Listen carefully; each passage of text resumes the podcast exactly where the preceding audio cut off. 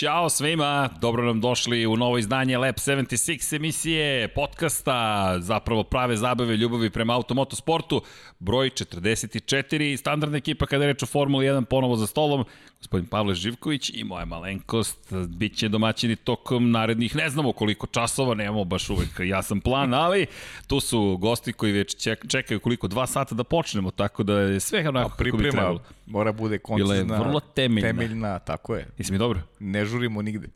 Dobro sam, da, sve okej. Okay. To, sve je, okay. to je najvažnije. Dakle, Danas smo u malo drugačijim bojama, navikli ste na roze boje već do sada i naravno ponovo Roze ćemo. poze, ništa Tako ovog je. puta. Ovoga puta nismo u Racing Point bojama, malo smo u drugačijim bojama, ali činjenica je da su ozbiljne stvari u pitanju, dakle podsjećamo još jednom, devojke, proveravajte se, momci, podržite ih, međutim, mesec novembar je mesec movembar, dakle, kada je reč o nekim stvarima kojima treba podizati svest, ovoga meseca bavit ćemo se zapravo bolestima muškaraca, dakle, to je nešto što se osnovno zapravo pokrenulo u Australiji, Movember, dakle pustit ćemo brkove ili ćemo pokušati da pustimo brkove. Daćemo sve od sebe. Koliko je to moguće? Koliko ti si u prednosti, imaš Ti si Pa, u prestupu zapravo, siguran. krenuo si pre nego što su pogašena svetla. Da, nisam siguran koliko sam pre, vidit ćemo na kraju meseca koliko sam prednosti. ali vidi, da, saznaćemo na kraju novembra, tako, Tako je. da ukoliko vam budemo u čudnom izdanju, ja sam u pokušaju puštanja brade povlaka brkova i naredne nedelje možda će ih i biti, ali Znaš kako mogu da nam pišu na kraju meseca čiji su lepši brkovi? da, o takmičenju u brkovima, ok, ja ću ići ka nekom Hatfield fazonu. Dobro, ajde, vidit ćemo, ajde. u svakom slučaju, Movember, bitne stvar u pitanju, dakle, pričamo o svesti, dakle, i o tome koliko i muškarci, naravno, kao i svi ljudi, imaju da kažemo zdravstvenih problema. Dakle, kada govorimo i o prostati i o testisima i kada govorimo o psihičkom zdravlju, u Australiji je pokrenut prosto taj ajde, hajde da kažemo ceo koncept Movembra, dakle puste se brkovi kako bi se skrenula pažnja, ne kažem da baš svima će nam stajati, ali ok, bitno je da eto momci vodite računa takođe sebi, devojke, podržite svoje momke, kao što smo u oktobru pričali obrnuto i naravno zajedno da da pobeđujemo u trkama i bitkama, a iza nas jedna od, moram ti reći, najlepših staza koje posećujemo. Nekako nismo, nismo dovoljno ispričali u Imoli koliko nam je važna, pa ćemo posvetiti ovaj podcast i trci koji je iza nas. Broj 44 u znaku Luisa Hamiltona koji nosi šestostruki svetski šampion, uskoro sedmostruki, 93. pobjeda za Luisa Hamiltona na ovom kultnom mestu i ono što je druga najveća vest jeste sedma titula za redom Mercedesa. Svakako ćemo krenuti od Luisa Hamiltona, ali pre toga Pavle Imola, nekako smo joj ostali dužni i to je staza koja nosi mnogo emocija. Najveća tragedija koja se desila koliko god i ostale bile velike u modernoj Formuli 1 jeste taj moment 1. maja kada je poginuo Ayrton Senna, pre toga Roland Ratzenberger. To je prva stvar koju mi kao generacija imamo kao asocijaciju i napravili smo u pozadini pravi ikonograf. Dakle, tamo je negde istok ljudi, eno je Senina fotografija. Inače, ovo je autentična fotografija, hvala na poklonu. Dobili smo je iz 1994. iz pred, sa predsezonskih testiranja, nažalost to je taj bolid u kojem je izgubio život Ayrton Senna, ali nećemo namjerno da budemo tužni, to stalno pričamo, bit ćemo, pamtimo po onome najboljem, ali opet Imola kad dolaziš nekako, Senna ti je prvi u glavi i naravno Roland, Roland Ratzenberger uz njega. Pa pazi, e, mnogo trka smo odgledali pre nego što smo počeli da radimo u životu, ja se najviše sećam te trke. Sećam se i mesta na, ko, na, na kome sam gledao i sa kim sam gledao i, i sve ono što je pratilo tu trku u Imoli, jer prosto meni je Sena bio neko kao, kako bih ti rekao, neki idol, neko zbog koga sam gledao Formulu 1, zbog koga sam zavolao Formulu 1 i onda, znaš, kad neko, neko kao klinac e, kako doživi takvu neku tragediju. Znam da sam išao da se upisujem brazilsku ambasadu u knjigu žalosti. Mislim, meni, meni je Imola, kad sam ušao u kabinu u nedelju, u, pa- pardon, u subotu, e, nekako nisam imao dobar osjećaj. Bilo čudno. Da, te- bilo mi je čudno. Pa nekako. progutao sam knedlu, moram ti kažem. Da, A uvek smo bilo- veseli. A generalno Imolu, Imolu volim kao stazu, uvijek sam je voleo kao stazu, ali mi budi neka, znaš, ono, neka, neke uspomene, loše uspomene, upravo na tu trku i sve ono što se dešavalo tokom celog vikenda. To nije bila samo Ratzenberger takođe, znamo da je, da je petak imao i, i, i Barikelu jedan težak udes. Jeste. Bilo je problema takođe i neki mehaničari su povređeni. Da li je De Angelis učestvovao u tom incidentu, više se i nećem ko je, ko je bio. Ali zaista jedan neverovatan vikend, tragičan vikend u, u istoriji Formule, jedan, od- jedan od najtežih vikenda koje smo imali, a opet s druge strane, zaista pričali smo ti ja koliko smo onako sreću negde osjećali zbog činjenice da se Imola vraća u kalendar, da imamo priliku da postimo tu divnu stazu, ja bih voleo da, da ona ostane u kalendaru Formule 1, jer Italija jeste specifično mesto, jer ima, posjeduje te staze koje su kultne, i Mugello, i Imola, i, i Monca, Gledali smo neke zaista sjajne trke, Mugello smo postigli prvi put u istoriji šampionata Formula 1, ali mi je Imola zaista nešto što što budi, kažem, posebnu emociju. Bila je fantastična trka u krajnjem slučaju. Možda tu ima neki nedostatak jer ljudi nisu prosto nismo odavno nije bilo trke 14 punih godina nije bilo trke u da, Imoli. 2006. Pa se vid neki propusti su bili evidentni tokom trke. To ćemo pričati, imamo redara, i kadrove imamo baš. I kadrove, da. Ne samo redara i direkcije trke I koja direkcije... je ugrozila živote tih istih redara. Jeste, ugrozila i njihove živote, a pritom imamo i neke sporne momente koje smo apostrofili tokom trke, tako da Imola zaista možemo pričamo imali sada naravno dva sata, verujem. A, a, a, a, a nismo čak ni spomenuli cijelo njeni istorijet, pričali smo o tome u prenosu, međutim u samom Lab 76 nismo se dotakli tih tema. 1982. Didier Peroni i Gilles Villeneuve u pa tom to je, velikom to, incidentu. To, to, je, to je legendarna priča, Didi. To je ravna onoj koji smo pričali o Portugalu i e, šta se sve dešavalo u onom čuvenom duelu za, za titulu kada e, zaista bilo, bilo, bilo, bilo nekih neverovatnih momenta, a, a Didier Peroni koji nije pričao uopšte jedan duži period i pre toga nije pričao sa, sa Žilom Vilnevom,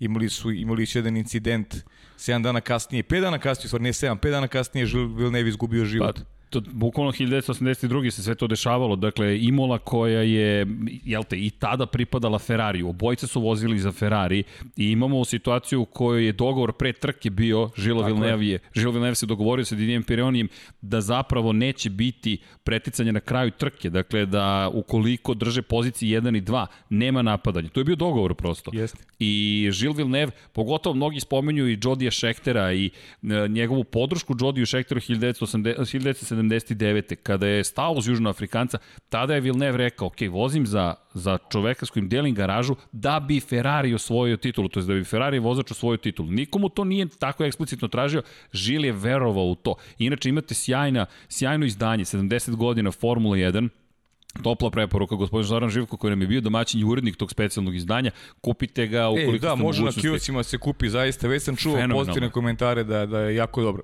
Još nisam, ali ću koliko, kad izađem iz ovog studija to raditi, sigurno. I, i to je 300 dinara košta, dakle yes. ne znam zaista za druge teritorije koliko košta, ali topla preporuka, inače ovo nije plaćena promocija, prosto verujemo da treba ne, ne, da se podržavamo međusobno. Definitivno, definitivno neki ljudi koji su već imali priliku da, da, da da to kupe, da pročitaju, da, da su oduševljeni Divno informacijama je. i sve onome što mogu da pronaći. I, I priče o bolidima i o tome šta se, kako se razvijala Formula 1, koliko su bili značajni u, u tehničkom, iz tehničke perspektive neki od bolida. Inače, to ćemo vam spremiti tokom zime emisije. Nećemo imati samo podcast, imaćemo te emisije gde ćemo govoriti zaista o svakom A dobro, to ne, nemoj da otkrivaš sada, imamo, Nećemo sve da otkrivam, naravno. ali potom potom. Ok, jedno po jedno, hvala. Pa, Pavle, da. Pavle je racionalniji od mene, ja već trčim malo pred rudu. A vidim da ti si malo emotivniji si, pa hoću sve da Tako je, ali idemo korak po korak. Dakle, kada reč o Imoli, to je samo moment iz 1982. 80. je ušlo u kalendar. 1980. godine nam je stigla u kalendar kao zamena za Moncu, prvi jedini put da Monca nije bilo u kalendaru.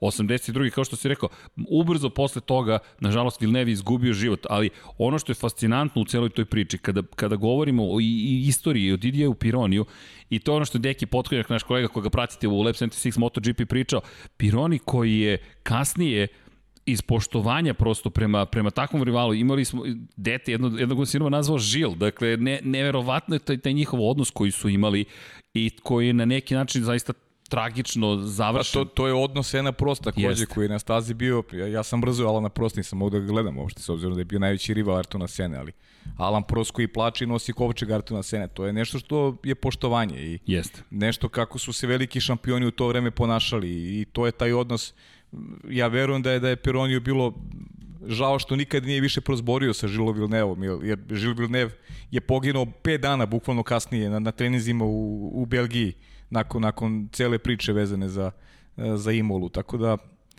Imola, kao što si rekao, mnogo tih istorijskih pomenata, ima tu još priča kada govorimo o istorijatu, o nekim zanimljivim trkama, pobeda pa- Fernanda Alonsa, 2005. Gerhard, godine. Gerhard Berger koji je takođe mogao da ima tragičan incident, takođe na tu istoj stazi, na, na čuvenom tamburelu ni takođe. Svest. Tako je, baš u tamburelu da, gde je tamburelu se dešava, da, gde je nastradao Sena. A 2005. Da. smo videli taj neverovatni duel Fernanda Alonsa koji je inače bio ovoga vikenda prisutan protiv Mihaela Schumacher i taj veliki duel između Renaulta i Ferrarija. Sve to nekako postavilo scenu za, za Imolu ove godine.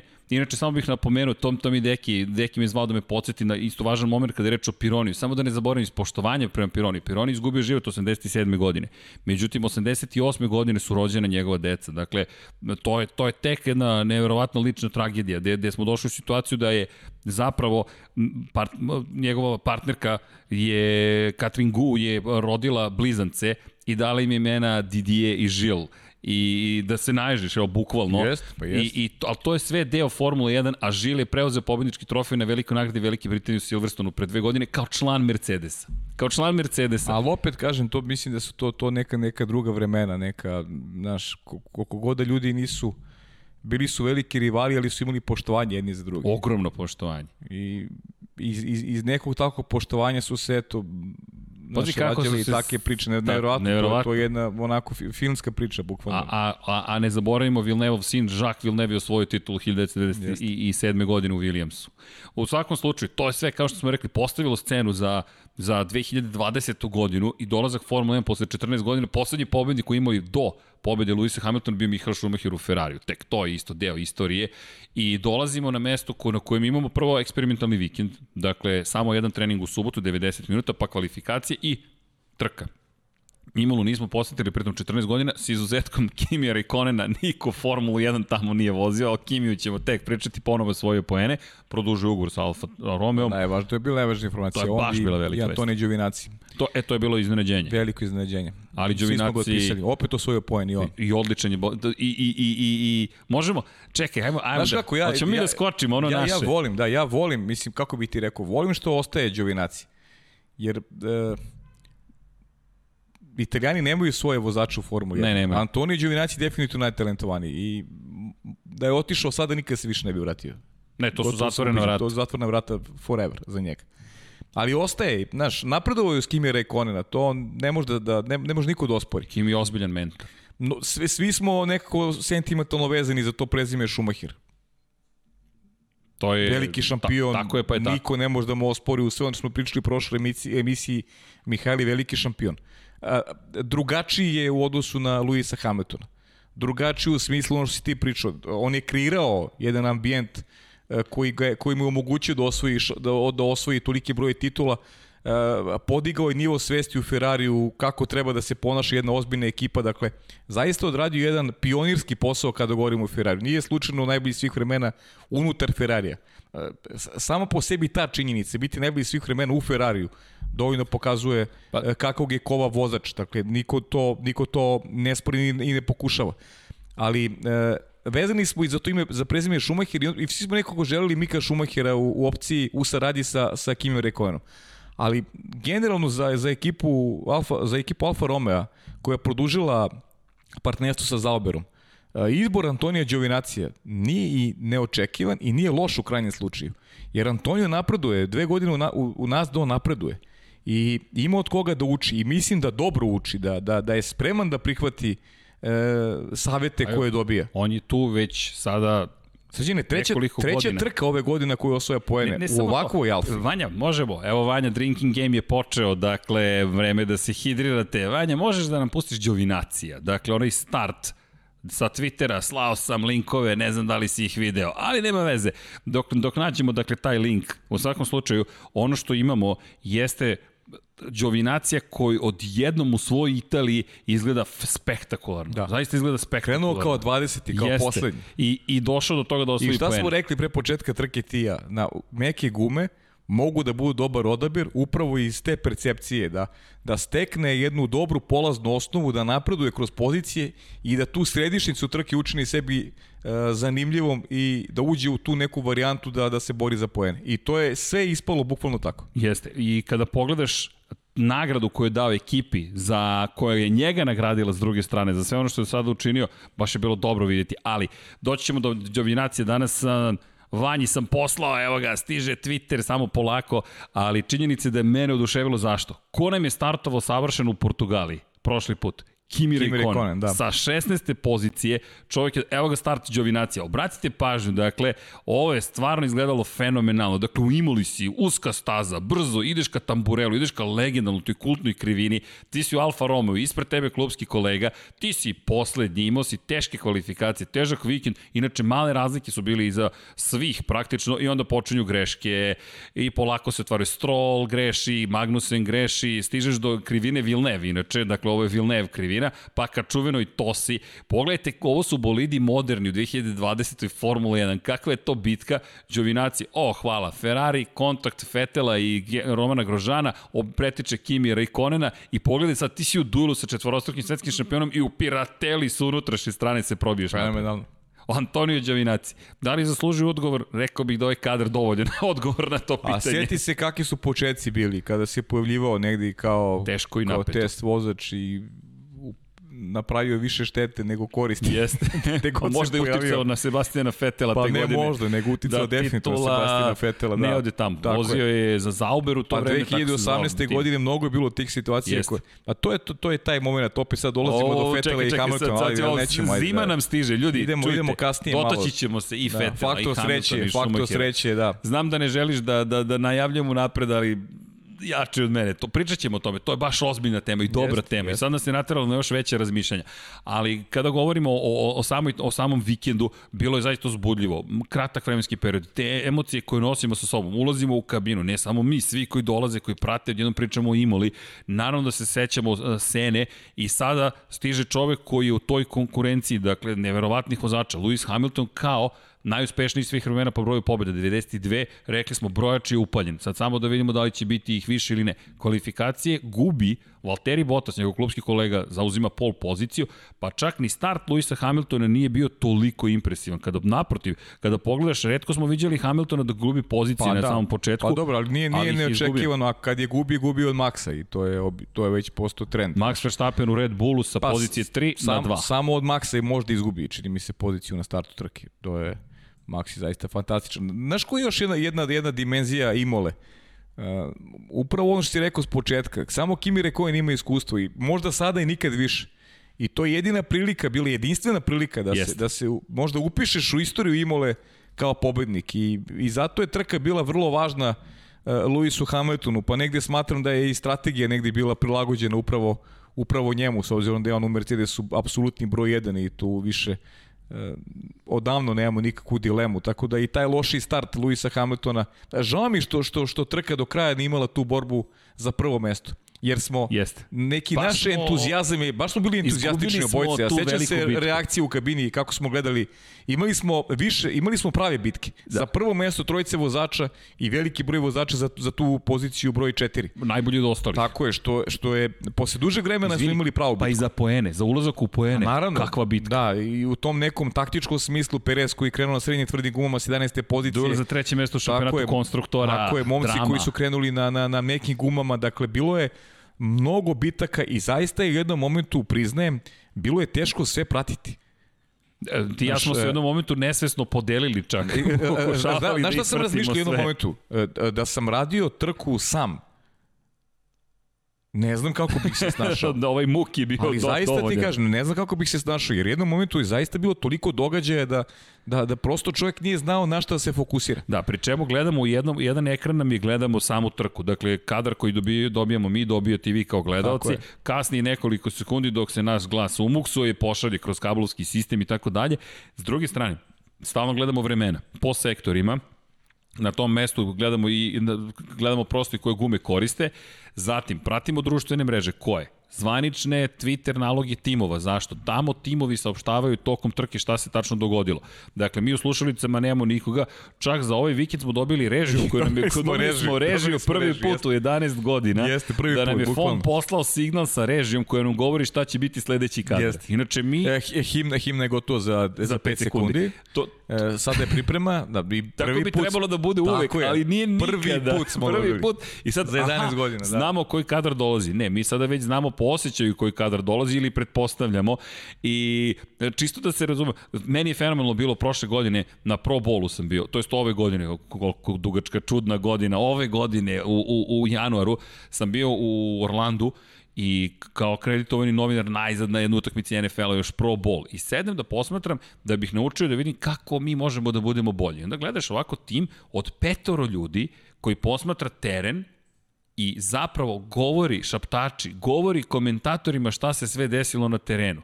Spoteri. Spoteri, bukvalno, pa je ovako gledam rekao, a zato su toliko pametni, jesu pametni, jeste da sve vide, ali ti vidiš jednom timu od pet ljudi koji ti javlja sve. Pa da. Kako sedim je kao, ok, sada postavim zvanično ljubomoran. I onda situacija je redovno da ti imaš režiju zapravo u slušalicama, ti znaš tačno Q koji ti odbrojavaju ti. 5 sekundi do reklame, 4, 3, 2, pauza. Pr prvi put za 11 godina. Za 11 godina. Prvi put, stvarno, neverovatan film, zaista. I bilo je, bilo je dobro. I onda možeš da uradiš profesionalnije svoj deo posla. Pa da, naravno, pa ne, spreman si za sve. Tako spreman je. si, tačno znaš šta se dešava. Znači, Tako imaš, je. imaš onu takozvanu košuljicu, znaš. Tako, ali, ko, ko, je, ušima, ali ušima. Da. Ali, e, sad znamo i kako je vozačima. Dakle, Pa kad da. voze pa ti neko javi, dešava se to, to, to i to. Elem, i start trke, da se vratimo i na to.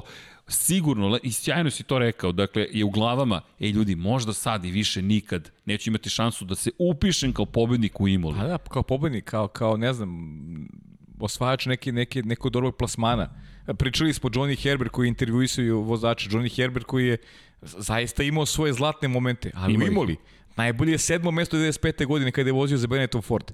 Nikada bolji plasman imao u karijeri. Johnny Herbert koji, evo, svi ga pamtimo kao, kao vozača koji je imao uticaj na, na, na šampionate, ali Imola jednostavno nije mu po znacima navoda legla i nije uspevao da, da dođe do nekog dobrog rezultata. Johnny nam je isto kultna figura, s obzirom na činjenicu da ono zabeleženo dve pobjede 1995. godine u Benettonu. Dakle, kada je bio klubski kolega Mihaela Schumachera, kad god bi se desio neki incident, Johnny je bio tu da jednostavno odradi svoj da deo iskoristi šansu. Tako je. Ali, ali, ali Imola, Imola nikada. Ne, Imola nikada. Ali, ali eto, Johnny, Johnny inače koji je kultna ličnost i po trećoj njegovoj pobedi za Stuart Ford na Nürburgringu. Na Nürburgringu, Čisto da ove da. godine cela istorija se spoji. I sad dolazimo u tu situaciju, počinje trka uz taj skraćeni vikend, izbor pneumatika je, hajde da kažemo, specifičan. A kako ti se sad dopada? Kako sad razmišljaš o, o, o, o skraćenom vikendu? Pa znaš šta, Nakon, o, nakon svega što smo videli u Imoli. moram ti reći da su mi podeljena mišljenja. Evo, Ali najiskrenije, isto, podeljena su mi. S jedne strane, znaš kako, dopada mi se taj, ne mogu da kažem nužno samo pritisak. Pritisak je ogroman nad svim tim ljudima, ali Ta doza rizika koja se unosi u cijel 1. vikend, znaš, ta doza rizika meni se dopada, znaš. e, E, koliko god da sam negde navikao na ovaj sistem i volim ovaj sistem ko, koji pratimo već 11 godina da imaš peta kao neki dobar reper onoga što što možemo gledamo kroz taj zvanični deo programa, e, ovaj rizik koji imaju timovi koji preuzimaju negde, pogotovo na ovim stazama koje su, koje su nove. Meni se cela priča dopala i zbog toga mislim da je trka bila toliko kvalitetna. Da izuzmemo tu moć koju Mercedes ima, generalno, sve Jasno. ostalo je bilo vrhunski taktika, e, pristup vozača, sam učinak na stazi, timovi maksimalno fokusirani. Ja sam uživao. A, moramo da podelimo, znaš, da izuzmemo negde taj Mercedes koji je, koji je neverovatno moćan ove godine. Moćan već prethodnih godina. Oni čak i uz greške koje prave mogu sebi da tu vrstu luksuza dozvoli i da opet imaju dobar plasman. Ali sve ostalo mi je bilo možda i ponajbolje u 2020. godini kada gledam, kada gledam te borbe za, za poene. Jer, jer vrlo interesantno uh, kako će se definisati e, ta pozicija broje 3 do kraja godine, jer imamo Ricarda koji je u velikoj formi, imamo neke momke koji osciliraju u Racing Pointu i u McLarenu i, sve se to lepo odražava na kvalitet trke. Pritom dobili smo Leclera u posljednja dva vikenda, rekao bih Ferrari, najbolja izdanja u 2020. godini su Portimao i sada Imola. Lecler je vozio je sjajno i mislim da je strategiju u finišu. Ostanak na tvrdim pneumaticima e, bio opet bi opet dobra odluka Ferrari. Pa, da, Ferrari, hajde, skočili smo već na, na Ferrari, ali e, samo sekundno, da, da preskočimo. Vanja, možemo da ubacimo to. Vanja, čitač misli. Čitač misli, molim Vanja vas. ne bi bio Vanja kad ne bi on ovaj je pogodio commentator whisperer, dakle on sa nama priča. To onaj dečko što s nama sedeo. Tako je, onaj, da onaj, e, ima novi duksiricu, ali da ne otvaramo sad tu temu. Da. Nećemo da ga blamiramo u javnosti. A, šalu na stranu, dakle da se vratim, mada žute boje, pazi sad, a imamo žute gume ovde. U svakom slučaju, ovo je, ovo je inače plan nam je bio neki malo drugačiji, kao pripremili smo i neki plan. Kakvi crni planovi, pa to je lepota Lab 76. Pa ovo je Formula 1. Bez plana, idemo bez plana. Idemo. Dakle, Hamilton, na srednje tvrdim gumama. Žuta boja za srednje tvrde, sa desne strane možete vidjeti izbor. Da, dakle, svi oni koji su možda prvi put sa nama, ukupno 30 stajanja smo imali za zamenu guma. C2, C3, C4 gume, imamo pet tvrdoća ove sezone, od C1 do C5. C2 je najtvrđa koju smo imali na ovoj stazi. Pa neka srednja, neka srednja tvrdoća. Pa da, to je baš kompromisno rešenje. Da. Dakle, C3, srednja tvrda guma i C4, meka guma. S obzirom na činjenicu da smo u jeseni u Evropi, da je 1. novembra održana trka, malo drugačije ponašanje nego inače kada su trke u Evropi u pitanju. I ono što smo videli u Portugaliji, srednja tvrda guma za najbolje timove. Hamilton, Bottas na srednje tvrdim gumama za počinju, Verstappen koji je od dnu ekrana počinje takođe na srednje tvrdim gumama, pričat ćemo o njegovom pehu kasnije, cijeloj toj priči oko Red Bulla, ali je Hamilton Bottas, dakle, biraju te srednje tvrde gume.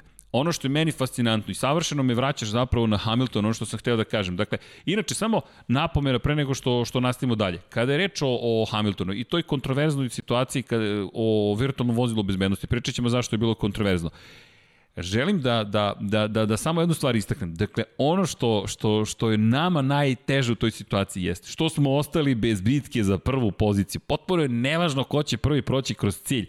Poenta je kako se prolazi kroz pa, cilj. Na, na o tome pričamo. Na šta, kako imamo, je drama. Imamo dovoljno godina ovoj obojice da, da nismo lični u tim stvarima, nego, nego gledamo nešto što je opšte, naš, nešto što je nešto što je značaj svih nas koji volimo Formulu 1. Ušli smo u trku Ehm, sa velikom energijom i osetili da Max Verstappen možda pobedi Mercedes na stazi.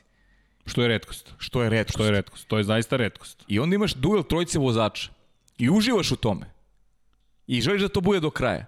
I onda se desi, dešava to virtualno vozilo bezbednosti koje, koje, koje praktično uvodi na promenu Luisa Hamiltona i, i gasi se Hamilton. istog sekunda kada Lewis Hamilton se vraća na stazu. E, pri čemu? I, I onda, I onda čovek šta da pomisli u tom trenutku. Ja sam iste sekunde, za razliku od tebe, ovog puta sam ja bio taj koji sam Nisi ništa rekao, da. Nisam ništa rekao jer... Ja nisam prosto, mogao da, da, da čutim pošto... Pa znaš šta, uvek, ajde kao uvek nešto pričam, ajde da ne bude, ne želim, pošto imam neke poruke, naš ispada kao da neko omalovažava uspeh Luisa Hamiltona. Ne, ne. ma kakav. Ne može Ma niko, misli, to je veliki šampion. A meni je fascinantno, ti si taj koji stalno insistira na brojevima i kažeš, ljudi, brojevi su merilo Bro, uspeha. Jesu. Kraj jesu, priče. Koliko pobjeda ima Lewis Hamilton? 92. Koliko i koliko ima najuspešniji vozač svih vremena, zapravo sada 93. Lewis Hamilton, to je to. Koliko titula ima Schumacher? Ali srđene, ima šta više ako nisu brojevi? Pa, šta ako nisu brojevi? Ne znam. Sve je, sve je individualno, Ali, sve je stvar percepcije. E, ja, subjektivni ja, osjećaj je drugo. Tako je, je to je drugo. Moj subjektivni osjećaj, ja ću uvek da kažem Ayrton Senna. Pa dok sam živ. Za mene neće postojati bolje od cene, nikada. Ali ne mogu da ignorišem ja, brojeve. Ja se izvinjam. Tako je, tebi Nigel Mansell. Ali ja ne mogu da ignorišem brojeve. Kako da ignorišem brojeve? Evo ti broj, 31 pobeda i samo jedna titula. Pa, 31 tada. I isto, veliko poštovanje. Pa to su sve vozači za poštovanje. Da, i, i samo da se razumemo, da meni je to zato fascinantno. Ti si taj koji stalno insistira na brojima, ali dobro, to je isto Kulešov efekt. Ne znam ko mi je to tweetovao da se stvara Kulešov efekt. Dakle, Kulešov je čuveni sovjetski režiser koji je zapravo montiranjem istih kadra, to jest jednog te istog kadra, korišćenjem jednog te iste kadra i različitim kadrovima pre i posle stvarao potpuno različite priče. Šta hoću da kažem? U zavisnosti toga ko za koga navija, čuje ili vidi drugačiju situaciju. Ne navijamo. Inače, da su prošli kroz cilj kako su i ovako prošli kroz cilj, žao mi samo što je bilo ko imao peh, u ovom slučaju Verstappenu što je eksplodirala guma, Meni je sve jedno. Samo da imamo do kraja bitku Tako tri je. velika vozača, a jesu veliki vozači, Lewis Hamilton najveći, u, toj, u, u ovoj grupi jedini ko ima titulu. Bottas nema titulu, Verstappen nema titulu. Koliko su talentovani, to je drugo. Ali Hamilton je i talentovan i ostvaren. Jest. Pa ja, ja ću, Kraj ja, priča. ja ono, vidim da ima i komentara. Ja, moje mišljenje, moje mišljenje, ali to je sad samo moj stav, ima, i, znaš, iznosim ga kao i svi drugi. Ja mislim da je Max Verstappen najtalentovaniji vozač. On, ja, ja u njemu vidim nastavi kartu na sene. Stil vožnje, mene podsjeća na, na Ayrtona Sena. Jasno. Inače, I ni jedan drugi vozač me ne podsjeća na Ayrtona Senu. Mene, je... Max Verstappen posjeća na Ayrtona Senu. Samo da se podsjetimo, i Ayrton, bilo je to jedno pitanje zašto nismo spomenuli šta je sve i Sena učinio što nije bilo, bilo tako idealno, pošto smo se dotakli bili Šumahira. Dotakli smo se Šumahira ne kao ličnog, dakle, inače, nikog ne cenzurišemo. Dakle, ne cenzurišemo, puštamo ljudi da iznose svoje mišljenje, to, to će tako ostati. Prosto tako imamo mi naš stav, stav studija je specifičan, definišemo ga pre svega ti, Deki, Đankić i ja, ali to je stav studija. Dakle, naš lični stav je nešto sasvim drugo i to isto branimo naše stavove. Dakle, kada govorimo o stavovima konkretno, treba da analiziramo sve, ali ja zaista bih da kažem da kada pričamo o tome da li je neko dobar ili loš čovek, to niko od nas ne može da zna. Ne, ne, pa da, pa to je nemoguća lični... misija. Mi možemo da vidimo neke stvari. Pa na, naš ko je mogo da priča? Mogu je pokojni Veljko Petrović da priča o tome kakav je Sena kao osoba jer imao privatne kontakte sa njim i nažalost I ne nema, malo kontakata. I ne malo kontakata. Na, na, meni je mnogo žao, rekao sam što Sukija nismo doveli, Suki imao neke kontakte, Naš, mogu da nam otkrije kolega koji je, je mogu da nam otkrije neki detalje i on je to radio u nekim da kažem u nekim medijima, oni mogu da otkrije malo te detalje o odnosu sa ljudima s kojima je komunicirao, koje je viđao na stazi. Znači, mi, mi, mi to nemamo. Možemo da imamo samo ošćaj onoga što se dešavalo u prošlosti kako smo mi videli stvari. I onoga što se dešavalo na stazi u krajnjem slučaju. Jer ne možemo da ignorišemo da, da i ponašanje nekih velikih šampiona u nekim trenucima nije bilo odgovarajuće. Dakle, to ne može da se ignoriše, ali to ne znači da ih mi ne poštujemo. Daleko od toga. I, pa. i, I ko smo mi u suštini da ih ne poštujemo? Rezultati govore o njima. Nije to stvar pošto, nepoštovanja, nego to je stvar onoga što se dogodilo, e, ne, nečega što, što prosto ni istorijske knjige ne mogu da izbrišu. Mi samo podsjećamo na neke stvari i ništa više. Pa i, i Sena je bio kontroverzna ličnost, pogotovo nije? na početku Kako karijere. Nije? Pa i da ne govorimo o tom Japanu i kada izbacio kada prosto. Prosto sa staze, pa, pa to naravno. Je, to, to, to je bio ozbiljna, je bio ozbiljna senka u njegove karijere. Znaš kako si me odreagovao tada? To majstore.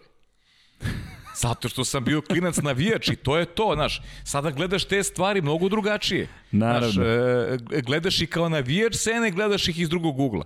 Pa, pa, pa kažeš, ok, nije to trebalo tako da bude.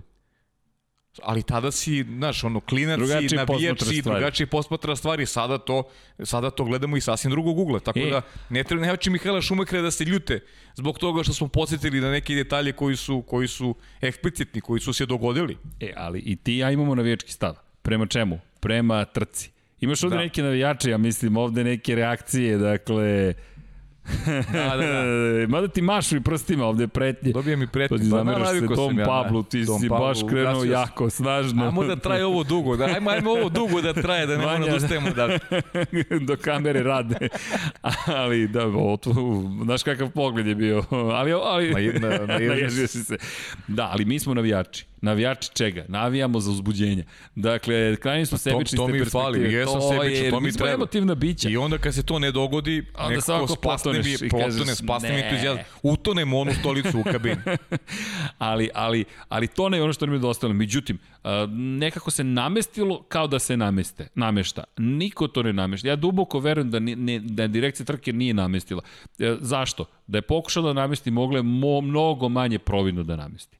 Dakle, mogla je mnogo manje providno da, da namesti. Pa slažem se s tobom isto. Zašto biste namestili toliko providno? To su, da li slučajnost? Pa ja duboko verujem da jeste, baš zato što toliko dugo radim neke stvari i toliko sam stvari video iza kulisa, da znam kada se desi slučajnost pomislim da li je moguće. Jesi video, tra, jesi video metro koji je probio u Holandiji i završio na, na skulpturi, na repu kita? Ne znam da si to video. Nisam, nisam. Vanja, ako to nađeš, ja te molim, za kakve veze ima s ovom pričom? Zato što to izgleda kao iz Spider-Man filma, dakle da, je, da, da metro probije zaštitnu ogradu i popne se na skulpturu rep kita koji tu stoji kao ukras na, na, na, na stanici i da zahvaljujući tome ljudi prežive. To, to izgleda kao, ma ko u Hollywoodu smislio ovakvu besmislenost? Evo ga Spider-Man, tu nam je Spider-Man i ti onda gledaš u Holandiji kako neki metro stoji na skulpturi. I to se realno desilo. Šta, šta hoću da kažem? Ponekad život napiše takvu scenu, takav scenariju se desi da pomisliš ne, ovo je sigurno neš, neko nameštanje. Znaš šta još? Prosto, prosto postoje ljudi koji, koji su miljenici sreće. Ima ih. I ima, ima ih, i prati ih, jednostavno ih prati sreće. Znaš, to su te relacije, rekao sa Hamilton Vettel. Setimo se te 2018. godine. Nije se jednom dogodilo da Vettel ide, ide ka pobedi, pa se dogodi neko izlazak sigurnosnog vozila, neki incident poput Đovinacija, po krajnjem slučaju taj Hockenheim koji ti često apostrofiraš, takođe se dogodio incident koji je prekinuo taj njegov, počela kiša pada u stvari. Znaš, ti imaš idealne vremenske prilike i odjednom kiša. Znaš, nekom se prosto stvari u životu nameštaju bolje, nekom lošije i to je, to tako ide generalno u životu i Lewis Hamilton i ovog puta, ja isto ne želim da verujem da postoji neka teorija zavere, ne prihvatam da postoji, činjenica da je to sigurnosno vozilo, e, sećaš se kada smo rekli ti ja da je ovo možda moment i za, i za vozilo bezbednosti, a ne za virtualno. I su više dugo su se neke stvari dešavale e, i trajale do, do pojavi virtualnog vozila bezbednosti. Jesu. To činjenica. Jeste, ali neću da verujem da je to bilo namerno. Zaista ne želim u to da verujem. Da, dakle, pojenta jeste i ove priče, dakle, kada govorimo, kada govorimo o, o, o, o slučajnostima životnim, dakle, na, ne znam da ste našli link, ali, evo, poslao sam Banja, našao sam nešto među vremenu. Dakle, gledaš vagon metroa koji stoji na skulpturi kita. Evo, pogled, Pale, molim te, ovo je stvarnost. O, ovo se stvarno desilo. Da, da, čekaj, moram se na oči. Koje su, koje su šanse? Ne idemo, da, ne dobacimo da. ne dobacuješ. Ne, ne, ne. Da, ovo je strašno. Čekaj, probio je zaštitnu ogradu i završio na skulpturi kita koja tu stoji kao umetničko delo. Nevjerovatno. Da li si pomislio da će ovako nešto da se desi? Ovako nešto nisam video, stvarno. Ovo, ovo deluje mi kao fotomontaža. Kao fotomontaža. Imaš još tih kadrova. A šta dakle, si rekao, gde se ovo U Rotterdamu. U Rotterdamu. Pazi, u Rotterdamu. Dakle, govorimo o tome da su neke stvari neverovatne. Neverovatne, zaista. Zaista neverovatne. I to mi se toliko puta desilo, evo, prošle godine. Neverovatno. Valenci, ne Valencija, Barcelona, kada je Jorge Lorenzo izbacio četiri vozača, uključujući sebe iz trke za praktično titulu šampiona sveta, gde je jedino Marko Marquez ostao na točkovima. I neko je rekao, ne, to je Jorge Lorenzo namjerno učinio da bi Marko Marquez omogućio da osvoji titulu. Ljudi, ako je to Jorge Lorenzo izveo, evo mu svih, evo mu 35 titula šampiona sveta, to je nemoguće. Pri čemu, još jedna je, uh, teorija zavere bila, Dorni to odgovara. Najdepresivnija ekipa, to sam više puta pričao, je bila Dorna. Jer paš će ti gledanost. Dakle, tebi ne treba, pa, dobro, tebi treba ali mi smo, mi smo generalno onako, znaš, kao ono, ljudska bića, skloni smo tim teorijama zavere i ako nam nešto ne odgovara, znaš, onda ćemo da nađemo razliku u nečem imaginarnom, znaš, da, Vidi. da, da kreiramo kao da postoji nešto što što ovaj lakše nam je da prihvatimo nešto ako ako smatramo da da je neko drugi kriv za to, da da da su to neke više sile, znaš, tako da Tako da ovaj mislim da je to taj ta priča u suštini. Ali, a, a, a ono što je naše suštinsko, mi smo jedino bili nesrećni jer smo bili je, svesti da gubimo, da gubimo trku za prvo mesto. Jer vidi, Lewis Hamilton uz prednost od 5 sekundi posle izlaska iz... Pa ne, videlo se kada je počeo da vrti one brze, a, ali opet, ali, opet ali, s druge da strane... Ne, ne, ajmo da se vratimo, ajmo, ajmo nazad, izvini. Ne, ne, ajmo na Red Bull da se vratimo. Ne, ne, ne, dozvoli mi, molim te. Ajde, ajde. Uh, uh, Vanja, možeš da nam daš onaj kadar gde imaš, gde imamo gume. Molim te. Uh, Pavle, pogledaj ovo. Ne, bojim se da ćemo zaboraviti šta je Hamilton učinio na oči. I to sam mi rekao. Šta mi radiš danas? Mučim te, Baš definitivno. Dakle, o čemu se radi? Bojim se da će, zahvaljujući tom virtualnom vozilu bezbednosti, za one koji ne znaju, virtualno vozilo bezbednosti, Esteban Okon je imao kvar na bolidu Renault i oko 50. 51. kruga, dakle, ne, 50. krug je bio. Šta se dešava? Vozilo bezbednosti virtualno se ne aktivira. Aktivira se samo na bukvalno 10 sekundi u kojima Lewis Hamilton, zapravo to je bio 30. krug, da. 51. je vozilo, klasično vozilo bezbednosti. Dakle, u 30. krugu, u 29. se dešava incident. Ceo krug mi ne dobijamo virtualno vozilo bezbednosti i potom se dešava. Ima još jedan razlog zašto možda nije bilo aktivirano odmah virtualno vozilo bezbednosti. Ovo su hibridni pogoni, hibridni bolidi imaju struju vrlo visokog napona u sebi.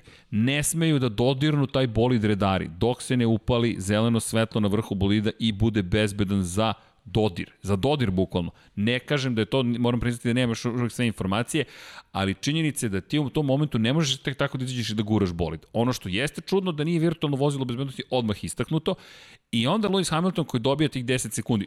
Ono što je bizarno, uključilo se virtualno vozilo bezbednosti u momentu kada on izlazi iz poslednje krivine, ulazi u garažu, kako je on krenuo da izlazi iz garaže, gasi se pered vozila bezbednosti. Ne, ali nešto drugo, to ti kažem. Ali, ali izvini, to je samo uvod, samo, samo kratko.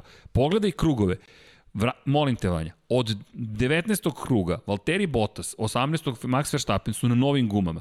Hamilton je 10 krugova na korišćenim gumama, Pavle, vozio fenomenalno. Pa upravo to želim da ti kažem. E, zašto Valtteri, e, prvi potez povukao Max Verstappen? Dakle, da je pričao sad o taktici Red Bulla. Tako je. Nisu, bile, nisu te gume loše radile u tojim trenucima. E, Red Bull je povukao potez smatrajući da je to i, i oni su negde poštovali taj neki, da kažem, e, signal, po znacima oda Pirelija, moment kada treba da se menjaju te srednje tvrde gume. Mogu da ostane još na stazi. Max Verstappen imao dobar tempo i dalje. Jeste. I dobro je pratio jeste, Mercedes. Jeste. Nije morao da žuri sa odlukom za odlazak u, uh, u pit lane. Šta je uradio Mercedes? Mercedes je iz percepcije Valterija Bottas, koji je tada vodeći u trci. Znači, uh, Mercedes prati ono što radi Red Bull, ali iz percepcije Valterija Bottas. Menja gume. Ostavlja uh, Lewisu Hamiltonu čist prostor na stazi i Lewis Hamilton, ok, znam što će mi kažeš, da. Valtteri Bottas je prvi i da Tako on ima, ok, znam što će mi kažeš. Ali možemo da pričamo o tome da je Red Bull možda pogrešio. Vidi. Da je Red Bull požurio sa, sa, sa odlaskom, jer ja nisam primetio u tim trenucima da Max Verstappen gubi vreme u odnosu na, na, na Valterija Bottas i, i, i Luisa Hamiltona. Dakle, to su bili negde ujednačeni krugovi. Ja mislim da, da je imao života u tim guma Max, Max i dalje. Ali, ali Red Bull povukao potes. Vidi, vraćamo se na ono što si rekao, skraćen vikend.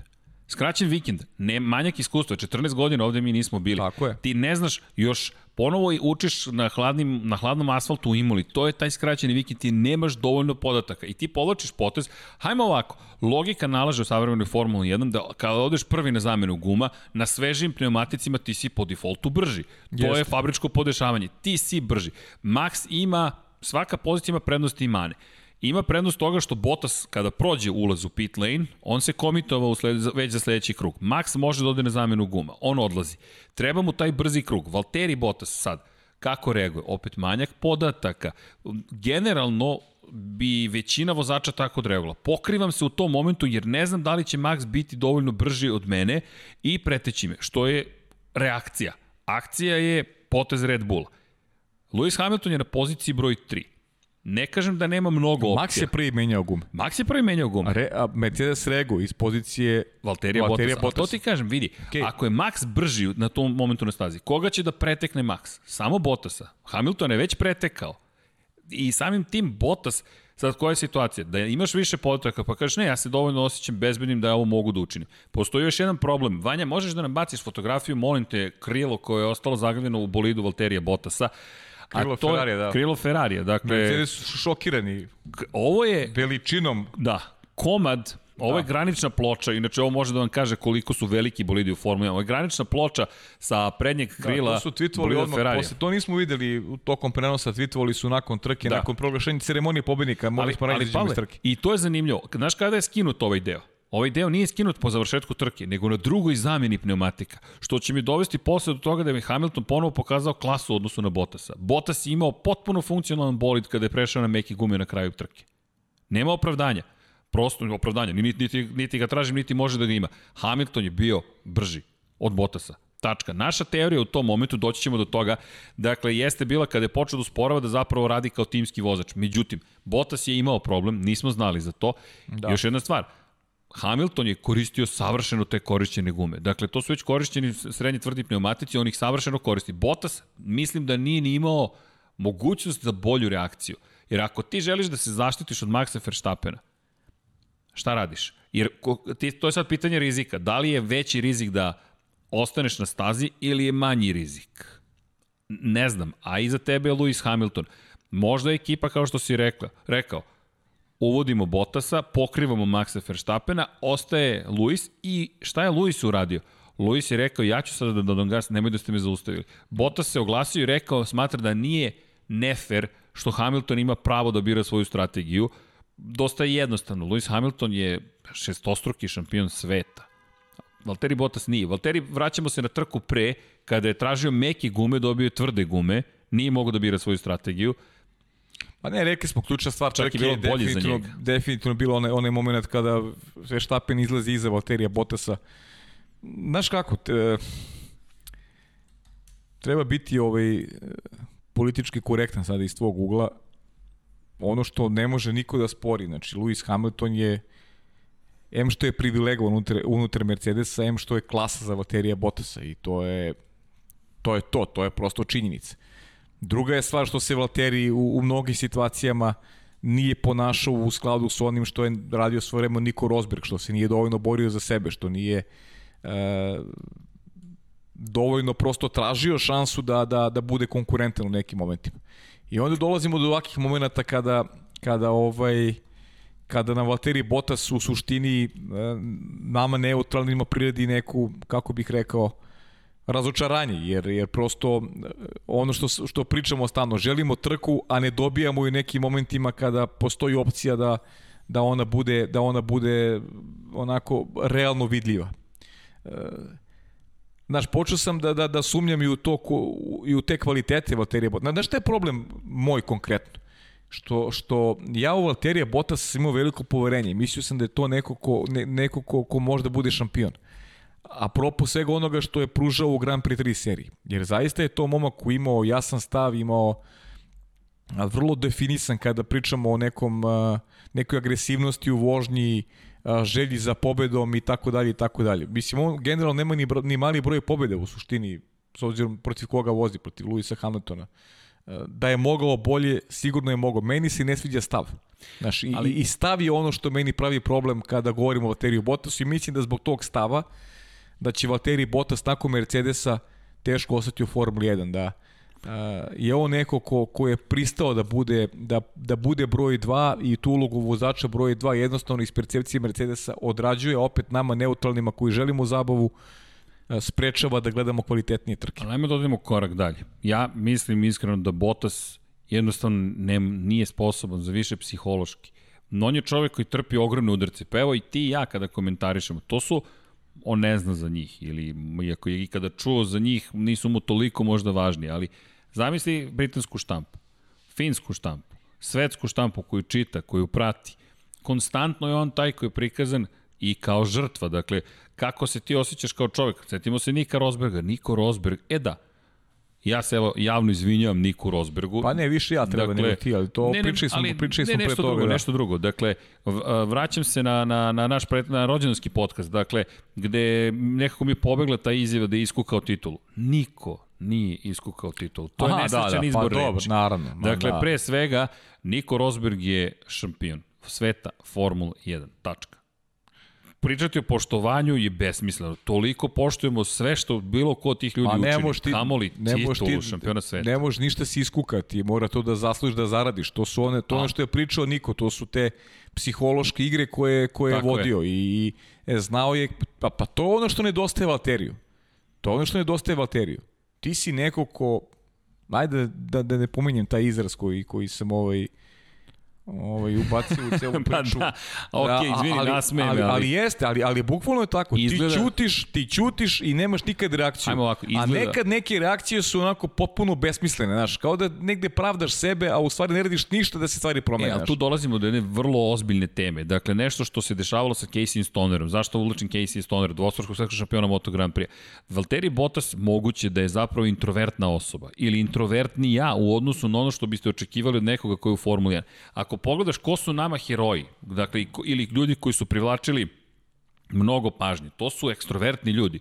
To su ekstremni ljudi. Keke Rosberg koji ima rupu za cigaretu u kacigi da bi mogao da puši cigarete dok čeka na početak trke. To je sada nezamislivo da ti zapališ cigaretu, jest, kamo li imaš jest. rupu u kacigi koju ti tim napravi planski da bi mogao lakše da pušiš. Zatim, imaš jednog Berija Šina iz motociklizma i, i, i, i, i, i neverovatnog Jamesa Hunta koji su ženskaroši. U današnjem svetu njih dvojica bi verovatno morala da se izvinjavaju. Ne kažem ni da je dobro ni da je loše, samo pa ne, samo da se svet to, promenio. Možeš da zamisliš njih u današnje vreme društvenih mreža i svega ostalog Pa, šta bi se dešavalo pa vidi, kod njih bi bilo 18 plus cenzurisan da, profil. Pa dakle. to ludilo, pa to. A oni su bili super zvezde. Bili I danas su super zvezde, zašto? Privlače pažnju. Niki Lauda bio je ekstreman, privlači pažnju. Sve su to ljudi koji su privlačili pažnju. Žilvil ne, nikad nije bio šampion sveta. A voleli su ga u Ferrariju više od svojih šampiona. Volili su ga više od svojih šampiona. To je iracionalno. Ljubav je generalno iracionalna. To pa su dobri, emocije. Krajem slučaju Gerharda Bergera su volili istu Ferrari Tako takođe. Je. Nikad nije bio šampion. Nikad nije, nije bio, bio ni blizu da bude šampion. I, dan danas ga obožavaju. Pa evo i mi, i mi ga se setimo. Znaš. Da. Ali šta hoću da kažem, Valtteri Bottas prosto nije takav takva ličnost. On je povučen čovek. I ti se nađeš sada u centru javnosti, jer Formula 1 je mnogo više od vožnje, brze vožnje bolida. To je, pričali smo o tome, opis sveta u malom, kao Čičagorija, ja to s njim volim da pored. Jedna zgrada u Francuskoj, kroz koju Honore de Balzac opisuje cijelo društvo. Ti ovde imaš Formula 1, cijelo društvo se opisuje. Imaš jednog ekstrovertnog, jednog introvertnog, jednog... Da li su oni brzi? Kada se pogase svetla, evo ti Djana i Pedrosa, koji je na testovima briljantan na KTM-u Moto Grand Prix, ali kada su svetla reflektora upaljena, ne može da bude taj. Meni tako izgleda Bottas. Pogledaj tu situaciju u subotu. U subotu, konferencijer započinje konferenciju za medije tako što se osvajaču pol pozicije, Valteriju Bottas, Bottasu obraća sa Luise, uh, izvinjavam se, i Max Verstappen koji dodaje to, bravo, I sad Max koji koristi priliku, inače se zabavlja lepo, M su mu to rivali i udri po uslovno čeno neprijatelju. Bottas to deluje kao da ne može da podnese. Njegovi vozački kvaliteti su neosporni, ali ovde ne pričamo samo o vožnji. Ovo je kako znam, se ali, snalaziš u pa celoj ali, politici. Ali sve si objasnio zbog čega ga i nazivamo tako ga nazivamo. Znaš, to je, Deluje statično. Pa mislim previše. Za neko ali, ko želi da bude šampion. Baš surov, ali precizan termin. Pa da, ali, ali za, znaš, ne pokazuje, ne pokazuje znaš, da ima, da ima karakter neko ko može da se izbori sa, sa nekim stvarima, znaš, to je, to je nešto što, ne, što rekao bih, ne priliči nekome ko, ko priča kako želi da bude šampion, ko stalno govori o tome kako ima vremena da se sustigne Hamilton, Znaš, on je, on je prihvatio da bude jednostavno broj 2 i prihvatio da sedi iza Luisa Hamiltona i da prosto bude njegove službi. I to je, znaš, to, to, je, to je stav čoveka, znaš. E, radije, o, mislim da je čak propustio priliku u nekim ranijim vremenima da, da bude interesantan drugim timovima. Ja mislim da on više nije interesantan i drugim timovima.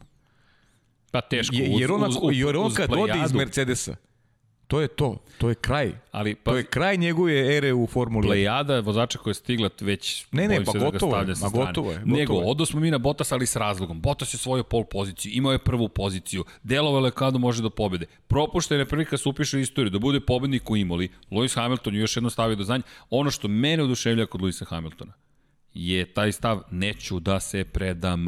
Dakle, da li on na radio, u radio komunikaciji zvuči kao da kuka, kao da se žali? Da. Međutim, kada pogledaš sa šta radi, on je čovjek spreman, pa pazi, dobro, to je ali imola. pazi, da ti kažem nešto, ali ima, ima i su podršku ovog sveta, ima. Naš, ima su podršku ovog sveta, oborio rekord. Ima. Ima sve. Ali, ali opet dolazimo... I došli Imoli. Čekaj, šta ti znači treće mesto Imoli? Ništa. Pa ne znači ti ništa. ništa ti ćeš da uradiš sve da dođeš do prvog mesta. Ali to je, ali to je gen šampiona. Tako je. I to pa je taj stav o kojem pričaš. A to nije sporno. To je gen šampiona. On nije slučajno... Pa, pazi, ne postoji u slučajnosti, ne postoji u životu. Ne, jednom ne u sportu. Možda. Možda budeš jednom šampion slučajno i da... Pa to je ono što pričaju ovi vozači u Naskaru. Pa je. Zašto žele drugu titulu? To je dokaz. I to stalno govore o tome. To je dokaz. Dokaz je da sam šampion ako budem drugi put to jedno može se desiti svima. Ako budem drugi put šampion, onda je to meni dokaz da se ima pravi šampion. I to govore svi vozači nas. A on ih ima šest, sad će sedam. A on ih ima šest, sad će sedam. Ne treba nikom da se dokazuje. Ali mu je lakše da vozi. Lakše mu je da rizikuje, lakše, lakše mu je da bira.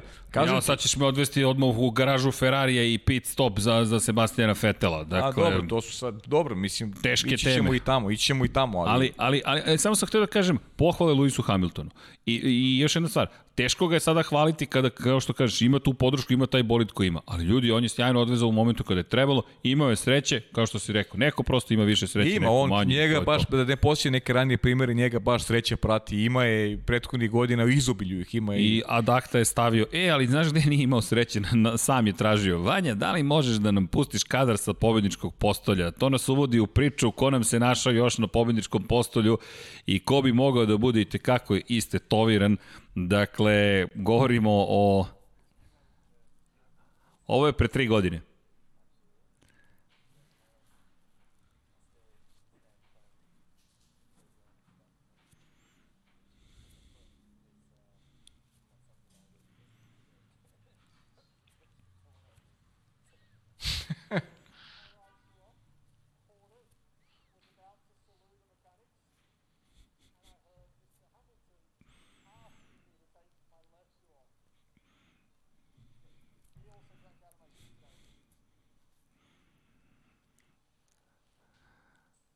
Jezivo.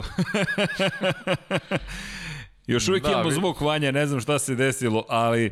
ali A još, da, još uvijek nam ide zvuk, ne, ne, nešto se dešava u pozadini, iako ne vidite, ali sad će to Vanja da sredi. Dakle, da prevedemo za onih koji eventualno ne govore engleski. Pre tri godine Lewis Hamilton na konferenciji za medije, dok je za Red Bull još vozio Daniel Ricardo, koji ima taj običaj, da to je australijski običaj, da iz svoje patike posle trke popije šampanjac kada je na pobjedničkom postolju. Šta je to u džem? Ne zamerite, to će biti malo groteskno, upozorenje za one sa slabim stomakom. Dakle, to u džem je za, zapravo, dakle, ne znam da li je gnoj ili šta je, ali to iz palca izlazi koliki pritisak vrše, pogotovo kada je reč o gasu i kočnici, pogotovo kočnici. I rekao je tada, ne, ne, ne pada mi na pamet da pijem iz svoje cipele, kamoli iz tuđe. Međutim, tri godine kasnije, sad bitna je i leva i desna noga. Skinuo je desnu patiku najpre Ricardo, počeo da pije iz svoje patike, I kao što je rekao gospodin Hamilton je tražio da popije i on sa, iz leve patike i to je sjajan bio komentar Pietra Filipaldija, gde kako je rekao, koji je imao konferenciju za medije posle toga, kako je rekao, to je leva noga, njom se koči u imoli. Dakle, ne znam šta je bilo u toj patici, ali Hamilton popio. Daj si izraz lica, ovaj. kako je rekao, dobro, popio, opustio se sad. Da, opustio se. 93. pobedu radio nešto što je rekao da nikad neće učiniti, ali Daniel Ricardo pale ponovo na pobedničkom postolju, mada pre nego što nastavimo, ne, idemo na Ricarda pa ćemo se vratiti na Mercedes, imamo vezu. Daniel Ricardo, drugo pobedničko postolju, tri trke. U tri trke s Renaultom. Pa rekli smo tokom trke da, da je dobra opcija, da je dobra strategija. Kad se vidio Perez da odlazi u, da promenu guma, da, odmah sam rekao. rekao da je, da je dobra taktika Ricarda što je ostao na stazi, jer imao je tu još par momaka koji su bili iza njega, tako da Ricardo neko ko zna da, da čuva gume i svakako da je pogrešio Racing Point u suštini. Racing Point napravio grešu. Racing Point, Sergio Perez je onako imao najnovije tvrde gume i Uh, mislim da je mogu trku da odveze do kraja na, na toj trećoj poziciji, Renault je bolje kombinovao i to je pokazatelj koliko je Renault kao ekipa Izvini, znam da nemaš naočare, stabilan, da. ali ja vidim odavde, dakle, da. možete vidjeti Ricardo, pozicija broj 3, inače isprekidana linija, to su korišćene gume, puna linija, to su no, sveži pneumatici. Ricardo u 14. u 14. krugu promenio pneumatike, do kraja vozio na istom setu guma. Dani Kvjat, o, kako ćemo se dotaći Danija Kvjata. Ali Perez, gledaj, vozio. Pe, Međutim, Perez, evo, je, Perez 27. Je krug je bio na novim gumama. napravio grešku. Perez napravio grešku i Racing Point napravio grešku. E, e, to je sad ta odluka vozača, znaš. Opet Sergio Perez neko ko odlazi iz Racing Pointa i prepostavljam da je i neka i, i, i, njegova i njegova kultura malo gledanja cele priče je drugačija u odnosu na Luisa Hamiltona. Luis Hamilton se i možda dozvoli, kažem, ima apsolutnu podršku da kaže ok, ja sam taj koji neće da idem u pit lane, vrtim dobre krugove, to je moja odluka Tako i doviđenja. Znaš, e, e sad re, Sergio Perez malo drugačije priči, on želi da pomogne ekipi dođe do tog trećeg mesta, ali um, nije više u poziciji da da je on taj koji diktira ono što se dešavati na stazi. Mislim da se prilagodio onome što je ekipa želela. Znaš, I propustili i, su dobijenu pobedničko postolje. Yes. Ali ekipa je rekla, idemo na zamenu guma. Da, da, Sergio da, je, da je ostao na stazi, ubeđen sam, pogotovo što kažem, on je u odnosu na, na, na Ricarda imao novije gume. Imao sveže gume, I sačuvao bi tu treću poziciju gotovo sa sigurno to. Međutim, Ricardo, moram ti priznati, meni je drago i, i zbog toga što Čekaj, u toj stolici si volim... sedeo, dobro, ne u toj, ali na toj poziciji, ovo su malo slovije stolice, da. dakle si sedeo kada si pričao, kada smo počeli da radimo Lab 76, Koliko očekuješ od Renault? Pa ne, rekao sam podijum ove godine da je to neko, neka moja prognoza. Evo ga, evo ga drugi. Dva.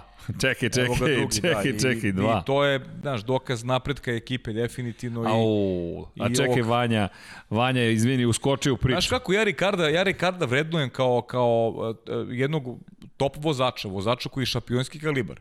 Zaista ga tako vrednujem, jer to je dokazao tako i, i vozeći za Red Bull, oni, oni čuni dueli sa, i sa Sebastianom Vettelom, On je neko kome samo treba dobra podrška i, i, i, i dobar bolid. I opet ponavljam, mnogo mi je žao što ide iz Renault. Meni je žao, ja, ja volim Alonso, poštujem ga, ali nisam siguran da je Alonso taj koji će praviti bolje rezultate od Ricarda. I da će stvoriti takvu atmosferu nisam kako je stvorio Daniel Ricardo, koja je mnogo važna. Ali pogledaj ovo, ovo je bilo dosta surovo. Ovo je tweet inače Renaulta, kao što možete vidjeti screenshot popularni, dakle, jel te snimak ekrana, gde Renault slavi drugi put bronzanu medalju. Dva puta da sad ne mogu da citiram, ali da. um, specifično no, pobedničko postolje I Mercedes koji odgovara, ovo je simpatično. Mercedes AMG F1, sedam puta šampioni sveta Formula 1 za redom. Pavle, prvi put u istoriji da je jedan tim sedam puta za redom osvojio titulu šampiona sveta i pritom Pa, biće i osmi, došao do verovatno, da. 501. pobjedničkog postolja. Kada govorimo o korisnicima Mercedesa, neverovatan Ljudi, napor koji je neophodan da, da jednom to postignete. Evo, Renault slavi dva pobjednička postolja. Mislim da to u kontekst stavlja mnoge stvari. Od 2011. Sedam godine nisu imali, pobe, nisu imali podijum, evo sad imaju i dva u prethodne tri I trke. s razlogom slave. Pa normalno, pa mislim, A Mercedes znaš, svako sedam slavi, titula. Svako slavi ono što mu je dostižno trenutno. Mislim, Jeste. čak možda i nije bilo dostižno nekim prognozama, normalno je da slave. A slavio bi sad i Ferrari, verovatno neki podijum do kraja godine, u nekoj idealnoj trci, bez tih pratićih pobedu. u kojima neko odustaje i tako dalje. Mislim, pobeda zaista teško, ali, ali Leclerc vozi sjajno prethodne dve trke. To ne može da se ospori. Ferrari bolje izgleda. Čak i eto, da nije bilo tog propusta mehaničara, mi bi, imali bismo Vettel u borbi za poene. I Vettel je, Vettel je odvezao posle Hungaroringa najbolju trku za Ferrari. Jeste, Vettel impresivno je bio izgleda. fantastičan. E, izvini, kada smo već skočili na Fetela, da možemo ponovo da pogledamo onaj A, komad Misliš, aha, komad. Valterija Bottasa, Misliš se dok hoćeš da vidiš ono, stajanje. kakav je džentlmen Vettel, kako se zahvalio svom. Da, a da, to, to nažalost nismo ubacili, ali... I to ali, je nešto što, što ali nije tipično za ovo vreme. je zaista. deo priče, dakle, Valtteri Bottas je vozio sa ovim komadom bolida. Ono što je meni fascinantno, svi pričaju Valteriju Bottasu, niko ne priča da je Sebastian Vettel bez ovoga Tako je. vozio celu trku. Ovo je drugog kruga nedostajalo na bolidu Sebastiana Vettela. I kada je otišao na zamenu guma Ferrari i mehaničari, 13 sekundi su potrošili da zamene Baš sam to hteo, ali Da zamene pneumatiku. čekao sam da dođemo do priče o, Pa, o skočio si na Sebastianu Vettela, Vettelu, a vidjet ćemo Sebastiana Vettela naredne godine u, Aston o Martinu. tome, o tome kakav je kakav je to šampion i kakav je vozač. Mislim, ja, ja uopšte nemam dilemu oko toga, ja sam ubeđen da, da oni nemaju iste uslove u Ferrari, ubeđen i to odavno, ubeđen da da voze različite bolide Leclerc i Vettel. priznati, i ja čekam njegove dilemu. izjave, kada izađe iz Ferrarija. Mada misle će on i tad biti vrlo Nema rezervisan. šanse, On nema, je neće to da čuješ. vrlo je kulturan čovek, ali mislim da Neće će to nam da dati čuješ sigurno. Ne, dovoljno ne verujem. informacija neće, da možemo neće da sebe naputimo. pravdati na taj način. Ne očekujem. Ja Moguće. mislim da on nije takav čovjek uopšte. Moguće. Nadam se. Inače, zahvaljivao se ekipi, rekao je, ok, ljudi, idemo dalje. To možemo da čujemo od Grožana. Grožan je taj koji sebe pravda uvek kroz uvek je to radio. Naš Grožan je uvek tražio uvek tražio razloge e, loših rezultata u drugima. Nikad sebe nije video kao krivca. Znaš, takav je Grožan, ali, ali Vetela ne očekujem to. Dakle, pobedama ili uspesima, čime god staviš do znanja koliko si kvalitetan i tu je kraj To priče. to. Ne pričaš o drugima, Pa ne, pričaš o sebi, samo o sebi. time što, on- onim što radiš. Samo o sebi. Zaista ne, bila je, bila je sjajna trka, ali m, kada govorimo o, o, o Mercedesu, moram da se zadržim na kratko na tome. Znam da smo već očekivali, navikli, međutim, sedam titula za redom, prvi put u istoriji, to vidimo, bili su izjednačeni s Ferrarijem koji imao šest titula konstruktora za redom, Pre toga imali smo situaciju u kojoj McLaren uspeo četiri puta da osvoji za redom, četiri puta je uspela i ekipa Williamsa, ne, zapravo Williams je tri puta, Red Bull je uspeo četiri puta. I to su velikani, mi pričamo o velikanima, Toto Wolff je šef ekipe rekao da je njemu neverovatno da stoji rame uz rame sa šefovima timova kakav su Ron Dennis, kakav je jedan Jean Todt, kakav je jedan Ross Brown zapravo i da je sada i uspešniji od njih. I to, ve, koliko je on slavio, meni bilo fascinantno. Kao šef ekipe koji je dosta rezervisan, samo još jednom pokazati koliko, bez obzira na dominaciju, svima to znači. Gledam kako tweetove, svaki inženjer, svaki mehaničar priča o tome Pa- kakav je osjećaj imao u avionu Pa oni su kao novi postavili rekorder. strukturu tima su postavili tako da dođu do ovoga. Da. Da imaju jasnu podelu ko kosi, ko vodu nosi, šta se sve radi da bi, da bi došao do tog rezultata. Ja im ne zameram. To je, ne, ne, pa taman posle, niko im ne zamera, pa nema šta tu da im se zameri. Ovo je timski sport, ljudi, ako, ako nemate percepciju toga da je timski sport, u, u zabludi ste. Druga je stvar šta mi želimo. I zašto pričamo o, o tome da šta bismo voleli, i zašto šta zameramo Valteriju Bottasu, ali Mercedes je izgradio priču onako kako njima odgovara.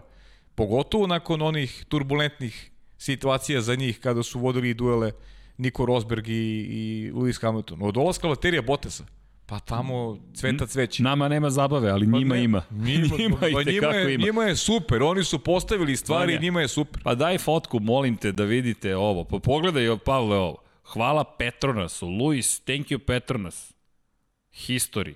Dakle, Da, da. istorija, ovo je istorijski moment. Dakle, broj 44, broj 77, Da, ovo su već slike na koje smo navikli, ali bez obzira na sve to, ovo su, oni su ovo učinili. Inače, slomili su jedan od pehara. Pa da, može im se. Za, Nema veze. može im se. Ali da, scena koja će se pamtiti i to u Imoli. I Tako sada je. da se vratimo na, na, na početak priče, da sam šef ekipe Mercedesa i da imam opciju, možda žrtvujem drugog vozača, ali imam dvostruku pobedu u svojim rukama, čovek koji mi predstavlja ekipu, koji je osvojio šest titula na putu da osvoji sedmu, će mi proći prvi kroz cilj i mogu da zauzmem pobedničku formaciju zapravo, dakle gde će moji vozači voziti jedan pokraj drugog u sred Imola. Ajde da budemo, da budemo do Zašto kraja, da budemo do kraja korektni. Šta je uradio Mercedes? Prepisao je model Ferrarija iz, iz Tako je, perioda Mihaela sa početka milenijuma. Druga je stvar samo što je Schumacher promenio strukturu, kulturu razmišljanja u Ferrariju, što je Mihael Schumacher mnogo više radio Da da bi bi, se to Ferrari desilo. došao do tog momenta. Tako je. Što je Mihael Schumacher provodio noći u garaži, što je Mihael Schumacher Morao je insistirao, da provodi. Tako je, insistirao na ljudima koje je doveo unutar ekipe, što je Mihael Schumacher mnogo duže čekao da taj Ferrari prof, profunkcioniše i da mu donese e, taj period dominacije. Dakle, Mihael Schumacher je mnogo toga više prošao u odnosu na Luisa Hamiltona. Jer Luis Hamilton imao šta? Luis Hamilton imao a, tu privilegiju da je Mihael Schumacher taj bolid testirao I pripremao. i pripremao Zajedno za ono... s Nikom Rosbergom. Ne, naravno. Ali je Mihael Schumacher, veliki šampion, testirao taj bolid i pripremao ga za Luisa Hamiltona. A da ne pričam, da, tek da ne pričam o Toto Wolfu. Ja moram ti priznat da nisam neki fan Tota Wolfa Znam, i to znam, to otvoreno si rekao. Uh, Ross, Brown, Ross Brown je taj jedan. koji je za mene postavio te temelje i, i mogo je da bude i Srđan Erceg na mestu Tota Wolfa uradio bi isto. Znaš, e, to je, to je moja, to je, to je moja percepcija. Šta? Kad dođeš Samo nakon, sedam. Da, kad, kad, dođeš, kad dođeš na poziciju takvog čoveka koji je napravio revoluciju u Formuli 1, ti si nešto nasledio, ti si dobio nešto kao gotov proizvod. Nisi ti, a imaš, imaš pritom u sebi Nike Laudu. I napravili smo Tota Wolfa nekog bajnog menadžera. Mora ti priznati da mnogo više ljudi koji su prošli kroz Formulu 1 cenim više od Tota Wolfa, a opet ostaće upisano kao da je on osvojio sedam trofeja kao menadžer u, u Mercedesu. Ne znam sad da li si me pohvalio ili pokudio. Pa, mislim, kako bih ti rekao, shvati to kako, kako želiš, ali... Anja, možeš samo da scrolluješ malo da se vidi. Ova pobednička formacija, obratite pažnju, zašto je ističemo? Važna je. Dakle, ovo je staza koja se zove Enzo i Dino Ferrari, nazvana po osnivaču Ferrari i njegovom sinu Alfredo, koji je nažalost preminuo od bolesti u 24. godini života. Zašto je bitan ovaj moment? Bitan je zato što je ovo nešto što se... oči. On nešto, nešto što se radi na 24 časa Le Mana i to radite na stazi Ferrarija. Dakle, da podsjetimo na još jedan motiv zašto Mercedes bi mogao da poželi da postavi trku tako da njegovi vozači ostvare dvostruku pobedu. Po mogućstvu da njegov broj 1, da Rok Zvezda bude na poziciji broj 1. Zato što ste u Italiji, zato što je ovo Imola. Zbog svih tih razloga. Dakle, zahvaljujući svim tim razlozima, da budem mnogo precizniji. I vraćam se na zapravo veliku nagradu Velike Britanije 2018. godine. Prvi koji je povukao ovakav potez u poslednjih nekoliko godina bio Ferrari. Ferrari je pobedio, dvostruku pobedu je zabeležio tog dana. Da. I to je staza Luisa Hamiltona. Ferrari je rekao idemo u pobedničku formaciju. Mislim da nisu očekivali odgovor kakav su kasnije dobili, ali e, pošto je bilo komentara da eto Mercedes sada vređa Ferrari, ne, Mercedes samo je zapamtio vrlo dobro i nastavlja dominaciju. Ja samo želim da ostali odgovore. U eri Mihala Šumahira imali su sezone kada je u poslednjoj trci morao da dođe do svoje titule, progotovo protiv Kimira i Konena. A to je bila druga ekipa, McLaren Mercedes koji se tako žestoko borio. To je ono što nedostaje, nadamo se naredne godine će se stvari tu malo promeniti, iako smo skeptični, ali vidjet ćemo. No, šta, šta hoću da kažem, ovo jeste taj moment, pamti se i uradili su sve što su mogli da zapravo dođu do tog uspeha. Pa znam, Renault, izvini, Oni su očitali lekciju Ferrariju kako se ponaša tim. koji je sam Ferrari izmislio Ta 20 dve- godina ta ranije. 2018. godina ne bi bilo tog što su radili Bottas i Hamilton da je Ferrari imao jasnu strategiju šta raditi u trci u kojoj Sebastianu Vettelu treba pobeda. Da su postavljene stvari kako su trebale da budu postavljene unutar Ferrarija, da nisu dozvolili trkanje Kimiju i Sebastianu Vettelu, ovoga ne bi bilo. Ne bi bilo Monci. Ferrari se promenio kao tim. Ferrari je pukao kao tim nakon 2018. trke u Monci. Od tada mi više Ferrari nemamo. To je već, evo još malo, pa, pa dve godine. Dve godine, bukvalno. dve godine, Bukvalno tačno dve godine. Od te Monce, Ferrari je nestao kao tim. Ne sećam se te trke sticam okolnosti. Potpuno nestao kao tim. Bane Sjeti Pralica i ti ste prenosili. Tako ja je. sam bukvalno bio u Monci, na Jeste. tribinama i to je nevero, Ferrari neverovatan po moment. pozicija Sebastian Vettel na drugom mestu. Jeste. Lewis Hamilton treći. Najbrži krug ikad. Najbrži krug Rikard. Šta se dešava tu? Tu naravno, šta, šta tu tim radi? Pa tim radi to da favorizuje vozača koji se bori za titulu. Ono što radi Mercedes, ono što je što je negde suština Mercedesa prethodnih godina sa, sa izuzećem te, te jedne godine kada je Nico Rosberg se borio za titulu, dakle Mercedes koji jasno postavio, definisao stvari. I, I u tom momentu Monci ti više nemaš nikakvu dilemu. Vettel Hamilton, to je borba. I ti pomažeš Vettelu da se bori za titulu. Ali to je ono što je Ferrari ne radi. To je ono što, što gar stalno pričamo o Vettelu. Vettel nikada nije imao apsolutnu podršku unutar Ferrarija. I to je razlika između njega i Luisa Hamiltona. Ogromna Da, razlika. izvini, da se to je vratimo- suštinska razlika između njih dvojice. Da se vratimo na, na timski sport, nekoliko tu sad tema. Renault, Racing Point, Red Bull, to jest Alfa Tauri. Šta, gde mi je spoj? Renault je timski počeo da pobeđuje. Dakle, to ono što ti govoriš, dolazak Fernanda Alonso će promeniti taj tim. Da li na bolje, da li će ostati isti, da li na gore, niko ne zna. Zaista ne znamo. Fernando Alonso, eno, eno, eno, eno je majica. Ljudi, nepoštovanje, to je, to je, to je velikan sporta. Dakle, Fernando Alonso je jedna od legendi ovoga sporta. Da li će međutim to doneti uspehe, ne znamo.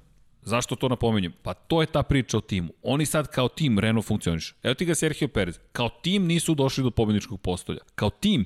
Ne on kao vozač. On je kao vozač bio fantastičan. Jeste. Kako je odvezao trku. Ja sam se sad naježio. Meni je žao što nije došao do pobedničkog postolja. Volio bih da mogu i Ricardo i on, ali Da. ne mogu. Ali činjenica je da je tim povukao potez. No, ako se vratimo na početak priče, da li bi treba dalje Bottas trebalo da ide pokre Max ili ne. I tu je opet neznanje. Dobio je nove meke gume Sergio Perez. Bile su nove meke gume. Nekako se kladiš na kvalifikacijne krugove, ali imao si 1-2, eventualno i nisi uspeo. I dolazimo sada do Red Bulla Pa, kao... mislim, odmoga mu je u dobroj meri i George Russell, kome se dogodilo ono što se dogodilo, zaista. Kakav incident. Stvarno, Kakav, kakav Baš je, incident. baš je kao, ne znam, neko mi je to opisao lepo, taj, taj, taj događaj, to je kao da, ne znam, šetaš ovaj, ulicom i odjednom padneš. Ali bu, bukvalno je taj, taj level, zaista. Pazi, sve kreće o, o, od Maxa Verstappena. Dakle, i to mi je ta spoj sa Red Bullom. Katastrofa Red Bulla zapravo imali. Treća trka na tlu Italije ove godine, Max ponovo ima peh. Dakle, Jeste. eksplozija pneumatika. S druge strane, počinje trka katastrofalno za Alfa Tauri, Pierre Gasly, koji je briljantan bio u kvalifikacijama, četvrti startovo, pobednik iz Monce, mora da odustane. Dakle, moraš da odustaneš, imali su probleme sa, sa zapravo tečnošću za hlađenje i pred početak trke su imali problem, nisu uspeli da reše, povukli su ga sa staze. Ostaju ti Alex Albon, posle pucanja gume Maxa Verstappena sa treće pozicije, koji je katastrofalan. Dakle, on se samo okrenuo. Tužno je bilo slušati Aleksa Albona po završetku trke koji u suzama gotovo govorio o tome da, da pitao je jesam se ja okrenuo ili su me udarili. Inženjer nema srca da mu kaže da se samo okrenuo. Pa da, on je pa on osjeća ogroman pritisak i šta smo pričali pre trke, vozač koji trenutno je suočen sa najvećim pritiskom i Alex Albon. Jest. Jer ni mediji mu ne idu u prilog, ni izjave ljudi iz tima, pregovori sa Hulkenbergom i Perezom koji očigledno postoje, želja Red Bulla da bude stabilniji kada govorimo o broju osvojenih poena, da niko neće ugroziti Maxa Verstappena, da se razumemo, Max Verstappen Ne. je takav vozač, znači niko ne priča, vidim da je bilo komentara, naravno da niko ne misli da niko Hulkenberg može da pobeđuje Maxa Verstappena. Ne, ne, on je vozač broj 2. On je vozač broj 2, on neko ko mu je uloga. Tako je, on osvaja poene i, i doprinosi da da ekipa se bori za, za bolji Tako plasman, je. ugrožava Mercedes u konkurenciji konstruktora u krajnjem slučaju. menja način na koji se vodi trka. Jer Tako zamisli je. da je tebi četvrti, samo, evo samo jedna promena u faktorima. Zamisli u ovoj trci. Vodi Bottas, drugi je Verstappen, treći je Hamilton, četvrti je, hajde da kažemo, evo Perez, neka bude Perez, neka ne bude Hulkenberg ili, ili Hulkenberg, svejedno je. A taj neko je uz Hamiltona. Zašto? Ne kažem da je na nivou Hamiltona, ali Hamilton mora da tempo mu diktira pa, onaj naravno. koji je ispred. Prati, izvini, Bottasa. I sada, ti imaš sledeću kalkulaciju. Bottas, Max odlazi na zamenu guma. Bottas ga prati, Hamilton ostaje na stazi. Ok, Sergio, ostani na stazi i prati Hamiltona. Sad, Hamilton više nije sam. Ti sad imaš drugog vozača Red Bulla koji igra svoju ulogu I kaže, ok, mi sad čekamo. Šta može Red Bull to da učini? Pa da kaže, ok, mi ćemo sada da čekamo do naj, poslednjeg momenta, mi prvi menjamo ili u istom trenutku kada je Hamilton ide na zamenu guma, ako nam je tim brži, a Red Bull je generalno brži u zameni guma, možemo da pretmemo vodeću poziciju. Šta možemo potom da uradimo? Pa da diktiramo tempo, da usporavamo pa, dobro, trku. To je, to je psihologija, znaš, o, o, ovim mlađim vozačima jako teško, gute ih Max Verstappen, bukvalno i guta. Sergio Perez i Niko Hulkenberg su momci koji bi to drugačije nosili, potpuno, znači to, to je nešto Stare što je njima, pa da, prirod, neko prirodno stanište, već, već su naučili, prolazili kroz različite faze karijere. Max Verstappen jede ove mlađe vozače, njima čak nije ni dobro da voze u njegovoj konkurenciji, da budu Ne, u društvu ne, ne, ne. Uh, gde treba da obavljaju neki posao ekipo i jednostavno stalno suočni pritiskom ne rade posao koji znaju. Pogledaj Pjera Gasly ove godine kako vozi. On, je, on čovjek pobeđuje u kontinuitetu još u prvoj fazi sezone. On je bolji od Alex Albona. On ga pobeđuje redovno s Alfa Taurijom. Redovno. I dobio ugovor do kraja sledeće I godine. dobio ugovor do kraja sledeće godine, njemu to odgovara apsolutno, ostaće Alfa Tauriju, taman ta još jedna godina će njega for, onako formulisati kao nekog vozača koja, koji može da bude od, Vidi. od vrlo važnog uticaja za šampionat, a ono što smo rekli, ja se slažem potpuno sa tim da ga vidim u Renaultu u nekom narodnom periodu. Mene je kupio iskreno sa kacigom Ayrtona Sene, ja moram ti reći da Pa me dobro, kupio sa kupio Hondom. nas je sve sa tim, Sve to, je nema kupio. dileme. Da, Ali još dodaš na to kupuje pobedu nas, Monci. Sve nas kupuje sa dobrim vožnjama. Biti Tako je. četvrti u kvalifikacijama, to je opet kvar jedan u finišu, on bi možda bio najveći rival za osvajanje trećeg mesta. Zamisli da si njega ima u toj kalkulaciji koji prati tu celu priču. On ti je možda drugi vozač Red Bulla. Eto, i zaboravio sam Gaslija. Dodamo Gaslija da je bolje. Mada on najbolje startovao. Njega je Hamilton pokrio na početku, agresivan bio Ja zaštiti mislim da on, nije, da on nije odustao da bi bio treći na kraju u raspetu trke kakva Gotovo je bila. sigurno. Da. Gotovo sigurno. Inače, pozdrav za Martina Nađa. Pisao mi je u petak, ne, u subotu uveče. U šta se kladimo da je, da je da sutra pobeđuje čak Gasli. Niste da kažem, ne vidim pobedu, možda pobedničko postolje, ali Martin veruje svoju staru ekipu. Pozdrav za Martina. Njegov točak smo, smo prodali na aukciji za Lanu. E, Lana je skupila dovoljno novca za lečenje. Ja, sup, to je Dakle, to je evo, naš vest. mikro moment je donekle pomogao, ali to su prave vesti. A Pierre, sve sa Sajnom kacigom. Međutim, kada pričamo o Red Bull porodici, Vanja, možeš, molim te, da nam daš preticanje sa spoljne strane u Pirateli. Nadam se da sam ti poslao dobar link, ali ljudi, nismo ga ni spomenuli. Ako nisam... Ne, ne, ne, ne, ne poslao ti nešto drugo. Molim te, daj proslavu. U Pirateli sa spoljne strane, ko pretiče? Dani Kvjat napada. Dakle, Dani Kvjat i šta se sluša? Može da nam daš zvuk? Dobro, bar smo videli polugolog. Polugolog smo videli Danija Kvjata, ali evo, stiže zvuk. Slušajte. Ima YouTube da nas banuje. Strajk samo da ne dobijemo. Gasi Vanja, sve je u redu. dakle, Motorhead, Ace of Spades se sluša Vanja, predugo nam ide muzika, imamo strajk da dobijemo na kanalu. Šta ćemo da radimo sa Kvijatom? Kako je odvezao? Da, pa re već je rekao da je Helmut Marko, evo danas Yuki Tsunoda, japanski vozač, testira u Imoli, juri tu kilometražu za super licencu i Helmut Marko je rekao, savjetnik zvanično Red Bulla, super je vozio Dani Kvijat, to mu i dalje ne pomaže da zadrži svoje sedište. Tačka. Eto. A pa, kako dobro, je vozio? Poslovna politika je takva, šta da se radi, to je... Ilovač, posao je Honda, takav, da. ni ja ga ne volim, ali neko mora da ga obavlja. Pa dobro, ali i poče da vozi U momentu kada, kada su mu rekli ode ugovor. ispričali o, Cunodi već dobro poznatu Jest. priču, tako da nekako i on i Đovinacije, ali znaš šta mi se sviđa, što eto, svi ti momci rego pod pritiskom, u glavi mi je George Russell kad pričamo o toj, o toj promenadi vozačkoj u, u, u Formuli 1. Ljudi, svi, svi govorimo o tome kako su stvari nekad dosadne i kako uh, su negledljive iz pozicije Mercedesa, ali ja se ne sjećam neke ere u kojoj je bilo toliko talentovanih vozača, toliko dobrih vozača da Koji dolaze. koji dolaze, I a koji su pritom, već stigli a pritom eto, izgubit će mesta neki momci koji zasluži da budu tu, jednostavno nema dovoljno mesta za sve. Zaista se ne sjećam te faze u kojoj nam je žao što neće biti ovog ili onog. Zamisli Formula 1 naredne godine bez Hulkenberga i Pereza, što možda se dogodi. A Perez bi mogao da bude četvrti vozač već smo šampionata. izgubili, već smo izgubili i Magnusena i Grožana. Grožan koji istina je ne pruža e, dobre stvari prethodnih godina, ali je Grožan je Grožan, on je šampion e, Grand Prix 2 serije. Kevin Magnussen je neko ko je došao na velika vrata u Formula 1, ima jedan podijum za McLaren, radi dobar posao za Haas prethodnih sezona. Dakle, to su četvorica vozača kojih možda neće biti naredne sezone. četvoricu ozbiljnih vozača. I u, u tom pogledu je ovaj šampionat i tekako zanimljiv, a opet s druge strane gledamo Formulu 2 koja iz moje prizme nikad nije bila toliko interesantna. Jer toliki broj kvalitetnih mladih vozača opet nismo imali na okupu nikada.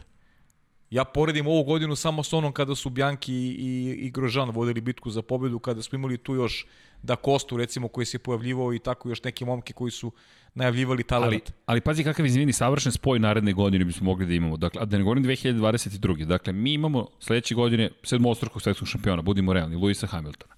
Imamo četvorostrukog u vidu Sebastijana Fetela. Imamo dvostrukog u vidu Fernanda da, Lonca. 14 titula na mestu. Jednog osvajača, da. titu, osvajača jedne titule Kimijera i Konena. To su četiri Vuka, dakle koje imamo u, u, u ekipi, u ekipama različitim. Pri čemu, jedan je u Mercedesu, jedan je u Aston Martinu, jedan je u Renault, jedan je u Alfa Romeo. Alfa Romeo produžuje ugovor inče sa Sauberom do kraja sledeće godine se zovu i dalje Alfa Romeo, ostaje sedište u švajcarskoj Hinvilu i onda dodaje, dodaje ekipa Charles Leclerc, Carlos Sainz u Ferrari kao mladi vozači. Dakle, kada govorimo o McLarenu, koga ćemo se tek dotaći, mada je bila relativno nevidljiva trka, par njihovih preticanja međusobnih, još su izvukli poene, Lando Norris je već tu, dakle, Sainz koji odlazi u Ferrari, stiže Daniel Ricardo koji je negde između, dakle, zreli vozač još nije osvojio titulu, George Russell, koji je imao taj peh, greška je iza vozila bezbednosti, je rekao nikada u životu nisam agresivnije vozio. I bi, hteo sam da zadržim zagrejanost pneumatika takvom da je napravio tu veliku grešku pod iza vozila bezbednosti da. preagresivan bio. Dakle, Russell je tu, Latifi, dobro je odvezao Latifi, Giovinazzi je tu, ali njih ne stavljamo u tu grupu koliko to. Norris, Russell, stiže ti Mick Schumacher najverovatnije, Callum Aylot je na putu da dođe, Nikita Mazepin je tu, Yuki Tsunoda nije netalentovan, naprotiv, ima veliku podršku da, Honda. Mazepin priča se više o novcu njegovog oca, ali, ali definitivno ove vozač. godine smo najbolje mogli da vidimo više nego ranijih sezona koliko je on agresivan, koliko je dobar vozač. Zaista možda bude da bude osveženje ukoliko uđe u Formulu 1, mislim da to nije nezasluženo. Iako, kažem, stoji otac iza njega i zaista jedan vrlo bogat čovjek. Ali to što imate bogatstvo ne znači da ne znate da vozite. Pa ne, naravno. Dakle, naravno. jedno Mislim, ne isključuje ne, drugo. Ne, ne znači da si ne zna da vozi. Da. Tako je, okej, da si ne zna da vozi. Da, da. Ali kada govorimo o, o, i o toj ruskoj vezi, Ruske je takođe važno tržište, dakle Danik Kjat je imao iz te perspektive takođe podršku, kada već spomenuh ponovo Kjata, Vanja, ili imamo taj moment, molim te, to je nekih 59 sekundi, pogledajte ovo, ovo je restart iz perspektive, dakle, Danija Kvijata, kako je odvezao, ovo je već izlaz na startno ciljni pravac. Dani Kvijata, točak na točak, šta vam donosi Imola? Ono što su vozači rekli, Imola je savršena iz kruga u krug, naporno je. Dakle, moraš da voziš na granici si neprekidno, ali pogledajte vi uskoro kako će se približiti i potom napasti Ferrari Dani Kvijat. Jeste, svežije su gume, meke su gume, ali ovo treba odvesti. Alfa Tauri, moderna Formula 1, evo je Tosa, čuvena krivina i na kraju je uspeo u Pirateli sa spoljne strane. Gledajte pažnju na ovaj moment. Ovo je spoljna strana Pirateli. Sad idemo nizbrdo, kakva minerali. I Kvijat završava posao protiv Ferrarija, kakav god da je Ferrari to treba uraditi. Fascinantno. Nedostaje krug jedan uh, Leclerc ali dalje tvrdim da je dobar odabir. Da, ovo je bilo ovo je već Ferrarija i, i Renaulta. U suštini izgubio jednu poziciju Charles Leclerc, ali mislim da su dobro računali kada su ostali na stazi. Pa najbolje što su mogli su, ja mislim, i izvukli. Da, pa to je ono što, što, što pričamo za Ferrari. Dakle, koliko smo i kritikovali, neke stvari u posljednje vreme funkcionišu napreduju, mnogo bolje. Napreduju. Da. Iako italijanski mediji mislim da su u pravu kolege koje prati izbivanje u Ferrariju, da je Ferrari pripremio mnogo bolji motor za 2021. godinu, ali ono što naše kolege insistiraju, a je na tim nekim strateškim i suštinskim promenama u ekipi. Dakle, traže nove ljude. Ne veruju ovim ljudima da mogu da povedu ekipu u neko bolje sutra. Da li im ti veruješ? A pritom su, ne, ali pritom su u, u, u smislu uh, pripreme agregata za 2021. godinu veruju da je posao određen mnogo bolje nego što je to za ovu sezonu. Međutim, ne verujem da će se dogoditi neke, neke velike promene unutar ekipe. Da, jedno od pitanja je bilo zašto bi smo se toliko fokusirali na pogonsku jedinicu kada je problem sa aerodinamikom. Nikada nije tako jednostavno. Morate da popravite pogonsku jedinicu.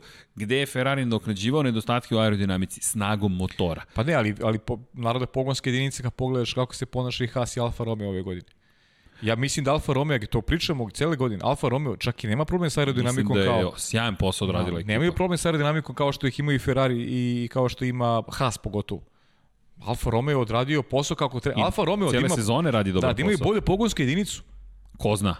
Ko zna šta Ja bi se ne znam događalo? koje su mogućnosti krajnje ove godine bi bile Kimi Rekonena i, i Antoni Kimi na kraju vozio. Kimi dva poena osvojio na, na, na, na, na ovoj trci.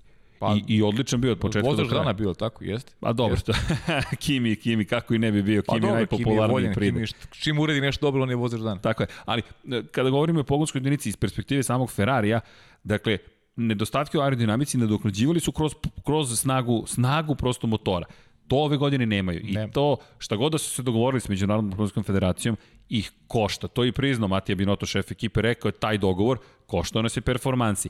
Pritom, rade na razvoju zadnjeg kraja bolida, dakle, unapređuju aerodinamiku zadnjeg kraja bolida.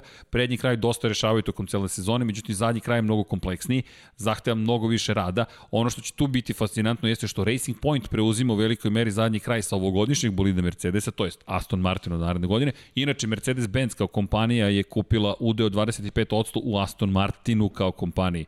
Šala je da, eto, Vettel ipak na kraju vozi Mercedes. Što nije daleko od istine. Opet će utjecaj Mercedesa biti veoma velik Aston Martinu. Samo da se vratim na Ferrari, Ferrari uz napređenja bi mogao da napravi taj korak u napred. Pa onda Red Bull uz možda novog drugog vozača.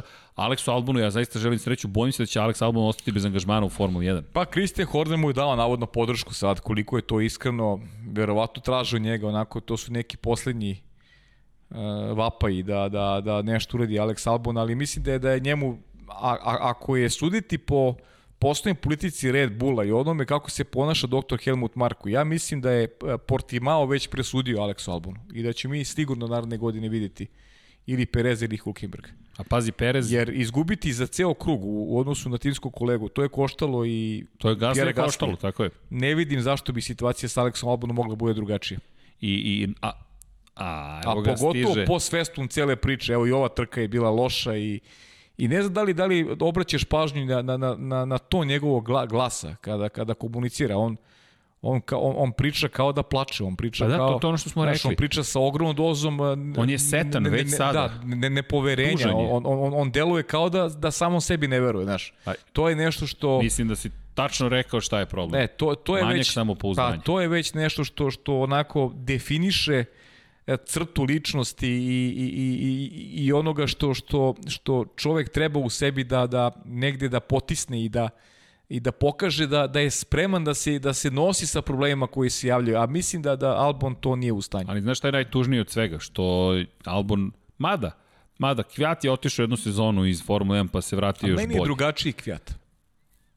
Ali vidi, Pierre Gasly delovo je kao da će se raspasti prošle godine. Seti se Belgije, roditelji su tu, on čovjek izgleda izgubljeno, uplakano, A, gotovo, kako, meni, ali si našao snagu. a meni kvijat u delu najstabilniji kada pričamo o toj nekoj psihi. O Znaš. psihi svakako. Samo više pokušam da, da, da razumem gde bismo mogli Mislim da je Pierre da Gasly, da je Pierre Gasly prirodno talentovaniji od, od, od, od ove dvojice vozača, da je, da on neki da je talenat, je. ali da, da mu se Znaš šta, Albon je bio mnogo vrat. dobar u karticama. Jeste. Mnogo je bio dobar. Jeste, I jeste. on, i Norris, i cijela ta generacija. pazi, sve su ti momci talentovani, ali postoje razlike među njima. Pokušamo da ih Izvini, da ih, da ih Gorio, vraćamo se na to. Da, Nije Čiča- pitanje da. brzine, nije pitanje Da, brzine. da, Svi su vešti, ali kad dođeš na pritisak, Jeste. i to što ono što smo govorili, album se preselio iz... Ali kao iz- srđani i sve u životu, znaš. Kao Tako i sve je, u životu. tako je. Kad dođeš na pritisak, onda, onda, onda se tu pokazuje. se vidimo. Znaš. Tu se vidi. Izvini, mi, ti i ja smo već navikli, ali dešava se ljudima da, To je- da, da to je- dođu u studiju, na primjer, Pa to je on, ona, ona, ona, i znaš, zbune se. onaj Vlatko Stefanovski, onaj čuveni stih, onaj pravi se reč uvek kasno seti, znaš. da. odgovor znam kad ostanem sam. To je možda da, znaš, često definiše Pa čoveka čekaj, kao Pavle, mi ćemo morati da znaš. zapevamo definitivno do kraja godine. Pa da, pa- Gitara će morati da se vrati u Ali akciju. mislim da, znaš, setio se upravo, Da, da. mislim da je to negde kako bih ti rekao, znaš, de- definiše nekad, znaš, čoveka u momentima kada, kada je pod pritiskom, Ali, znaš. ali zato kažem, Albon zamisli ako bi mogao da dobije šansu. Slično, slično, ne znam da li je toliko talentovan. Ono što Kvijat posjeduje je jedan vanserijski talent za rad u simulatoru i pripremu bolida za trku. Sjeti se Mađarske pre dve godine, mislim, ili, da, pre dve godine ili tri, kada, ne, pre dve godine, kada je Vettel zabeležio pobedu, rad Đovinacija i Kvijata u simulatoru je zapravo doveo do podešavanja za trku na dan trke, oni su noć, subota na nedelju vozili simulatoru. Slušaj, u krajnjem slučaju neki ljudi brže sazrevaju, neki kasnije. Nešto, Tako je. Uh, niko ne spori, ta, čim si ušao u Formula 1 talentovan si. Tako je. Znaš, to je... Možda će kao to vino to. biti Alba, moguće, vidjet ćemo. moguće da će moguće da će mu ta neka pauza i prijati, ali Držimo ali, ali mu ja palčeve. nekako mislim da je, da je Red Bull već definisao Za te sledeću odnose godinu da. da. i da neće propustiti priliku da čak mi se čini, evo sad ću da iskreno, evo pričam iskreno, čak mi se čini da je tu Perez i u, i u prednosti u odnosu na Nika Hulkenberga. Malo pre sam to htio ti kažem. Perez u ovom momentu ima jednu veliku prednost u odnosu na Nika. On Pa je ima- stalno na TV-u. Ima kontinuitet. I vozi. Ima i kontinuitet i, vozi dobro. I poznaje i donosi ti sponzore. Jeste. Zašto ga ne bi angažao? Čovjek je u jednom momentu imao šansu da preuzme poziciju broj 4 u, prva, u prvenstvu sveta. Da bude gori jedino od Luisa Hamiltona, Valterija Bottasa i Maxa Verstappena. Hoćemo iskreno. A ja čak mislim da će na kraju biti četvrti. Iskreno mislim da hoće. Male razlike između njega i Ricarda. Mi verujem da hoće. Da će... A, a vidim da je motivisan. Oporavio se od kovida, vidim da je motivisan, Odličan. da vozi sjajno. Odličan je. I, Znaš ko... I ako bih ja voleo da Ricardo bude taj, pričam iskreno sada, Ricardo, stvarno sam negde, ja Ricarda mnogo onako poštojem i, ali negde Pereza vidim kao to koji je četvrti i vidim, zahvaljujući Perezu, Racing Point kao treću ekipu na kraju šampionata. Pa, Svakako ne, zahvaljujući Lensu Strolu u Da, to poslednjih pet sada ne. trka, Stroll je bez poena. Bez jednog jedinog poena. Četiri puta nije, to je tri puta nije završio, Jer sve što je- jednom nije vozio da, i sad bez poena. sve što je Force India napravila dobro, ima zasluga i Nika Hulkenberg, ima zasluga mnogih, ali je ipak lider te cele priče bio Sergio Perez. A pazi sad ironiju, Niko Hulkenberg je Racing Pointu pomogao svojim povratnim informacijama da preokrenu razvoj bolida u Silverstone i da ga učine boljim u 2020. Sergio Perez ti donosi poene, možda četvrtu poziciju u šampionatu vozača, možda treću u šampionatu konstruktora, nećeš imati ni Hulkenberga, nećeš imati ni Perez u ekipi naredne godine. Okej. Svako bira svoj put. Lorenz Pobiće, Stroll, Lorenz Stroll bira ono što je njemu draže, što mu je srcu bliže. dakle, to je u redu. Ali vidjet ćemo i utjecaj Sebastijana Fetela. Da čekam da vidim Fetela Aston Martinu. Da ne zaboravimo ekipu, buduću ekipu Daniela Ricarda. Nekako McLaren opet je poluvidljiv bio u ovoj trci. Dakle, najviše što smo videli jeste onaj napad Carlosa Sainza na početku trke protiv Landa Norrisa, gde vidimo da još uvijek nema timskih naredbi, McLaren Nema dalje da, pušta McLaren svoje je- vozače. Pa, McLaren u, u, skladu sa tradicijom. Tako je, ali to mi je isto lepo, oni zadržavaju Jeste, svoju ne. tradiciju. Pa ja, Ovo je ja, to, ja to tradicija. mnogo poštujem i, i volim ih zbog toga, da. Ba, baš, baš, Baš ih volim zbog toga. pozitivno. Da, mislim, kako bih ti rekao, u, u, u nekim sekvencama smatram da, da timske naredbe moraju da postoje u nekim bitnim momentima. Nisam pristalica Ali istih. sad nisu. Sada da, ali, ali kada su neke krucijalne stvari, kada su važne, recimo za, za Force Indiju je bilo tragično i loše u onaj period, recimo Azerbejdžana, Okon Esteban i Okon i Sergio Perez. Mogli su doći do pobede. Znaš, to, to, to, to mnogo košta ekipu. Na- na- Znaš, koliko bi skočile još akcije kod uh, Vijay Malije da je dobio jednu trku? Možda bi bio i dan danas vlasnik. Pa možda bi dan danas bio vlasnik. I Možda to, bi dan e, danas bio to vlasnik. Su stvari, ali to su male ekipe, oni ne smiju da propuštaju takve prilike. Ne. Ne sme da dođe do, do, do, do takvih duela na stazi dvojice timskih kolega. Ok je kad, kad se boriš i za neki manji ulo, ali kad imaš viši cilj, morate da sarađujete. Pogotovo što obojica možete do velikog rezultata. A to je kroz celu istoriju Formule 1. Evo, na početku smo rekli, Villeneuve, Pironi, Villeneuve, Scheckter. Dakle, on je čovek pomogao, dakle, pomogao ekipi Ferrarija. Da se, Ferrari je često bio u situaciji da osvoji titulu šampiona konstruktora, a da ne bude prvog sveta. Da, da. Njegov vozač. To se desilo i 82. čini mi se da Rosberg kada je svoju titulu da je Ferrari bio šampion, šampion Jest, konkurencije konstruktora. Jest. To se desilo i 2008. godine. Lewis Hamilton osvaja titulu šampiona sveta, Ferrari je šampion u konkurenciji konstruktora. I desilo se, čini mi se, 70. godina takođe. Nisam sad siguran, ali nemojte me držati za reč, ali da se i tada desilo Ferrariju. Dakle, šta hoću da kažem? Da nije Gilles Villeneuve rekao, ok, imamo viši cilj, možda ne bi bio Šekter šampion sveta, apropo tvoje priče. Pravo si. Malo pre da izgovorim, apropo, evo stigao je jedan, dakle, A ja Game često, se nastavlja. imamo, ja isto često. Imamo svoje poštapalice. Često, često govorim ja apropo isto. Da li, ljudi, to šta da vam kažem, ogoljeni smo ovde u studiju na kraju univerzuma i u tome uživamo, nego da ne zaboravim samo, McLaren, naredne godine, naravno, stiže Mercedes, vidit ćemo kako će to funkcionisati. U ovoj trci, ta bitka za treće mesto u šampionatu konstruktora je važna. Nisu, nije bio nekako, ceo vikend nije bio, deluje mi kao da nije bio na, za njih pozitivan. Pa ti kažem iskreno, ja mislim da su oni tu na u najlošoj poziciji u odnosu na ove dve ekipe. Više vidim tu mogućnosti za Renault i za neko Renault i Racing Point imaju neku stabilniji su, čini mi se, naš. Misliš Renault i Sergio Perez? Renault i Sergio Perez, da. Renault i Sergio Realno. Perez. A, najmanje šans daje McLarenu za, za to treće mesto. Da, iskreno. nevjerovatno. Pa baš kao što mi je žao, eto rekao sam ti zbog čega. Pitanje je šta čeka McLaren naredne godine u saradnji sa Mercedesom i opet jedna nova priča za Daniela Ricarda, opet nešto novo što ga čeka, opet nešto treba da gradi i da ne znam, nisam siguran u ja mnogo poštujem McLaren kao ekipu, ali ono što njima manjka je isto ono što i Red Bull. Uvek za, zavise od drugih. Da, da. E, to je, to je Tuđe- malo problem. Sudbine u tuđim rukama. Da. E, zato za te vozače koji voze za te ekipe je onako ozbiljan problem. S tim što Red Bull ima nešto što je jedan uh, u novije vreme mentalitet pobednika, imaju jake ljude unutar organizacije i veće su mogućnosti Red Bulla u postojećim okolnostima nego što je McLaren. McLaren se stabilizovao, mnogo su bolji nego što je to bio slučaj ranije dolaskom Adriana Zajdla i, i ekipe, ali šta će im doneti saradnja sa Mercedesom, baš sam skeptičan. Mislim čak i za njih da je bilo bolje da su ostali pod uh, pokroviteljstvo, po znacima navoda Renaulta, nego što su prešli na Mercedes. Delim tvoje mišljenje. Mislim da bi imali bolju saradnju. Bolju saradnju. činjenje- pogotovo za odustanje Honda, ali sada to tek znamo. Dakle, i Renault bi verovatno više investirao u tom kontekstu da ima svoju snažnu ekipu uslovničeno broj 2, mada savremena Formula 1 sve manje to dozvoljava i, i to nas dovodi do priče još jedne, da, da, da iskoristi priliku. Mada, ajmo McLaren samo kratko da spomenemo. Kada je reč o šampionatu konstruktora, McLaren je sada izjednačen s Racing A da, Pointom. ludilo je. Jedan bod deli tri ekipe. Jedan ludilo. poen deli tri ekipe. Trenutno na poziciji broj 3 je Renault, 135 bodova. McLaren 134, Racing Point 134. Racing Point je osvojio 8 poena zahvaljujući Perezu, međutim 6 plus 4 za Sainca i za Norisa nas dovodi do 10. Za 2 poena su smanjili razliku u odnosu na Racing Point, tako da su oni još i sjajno prošli u celoj priči. Da, da. Uprkos tome što su bili tek sedmi i Pa osmi. znaš zašto? Pa, Za- Perez.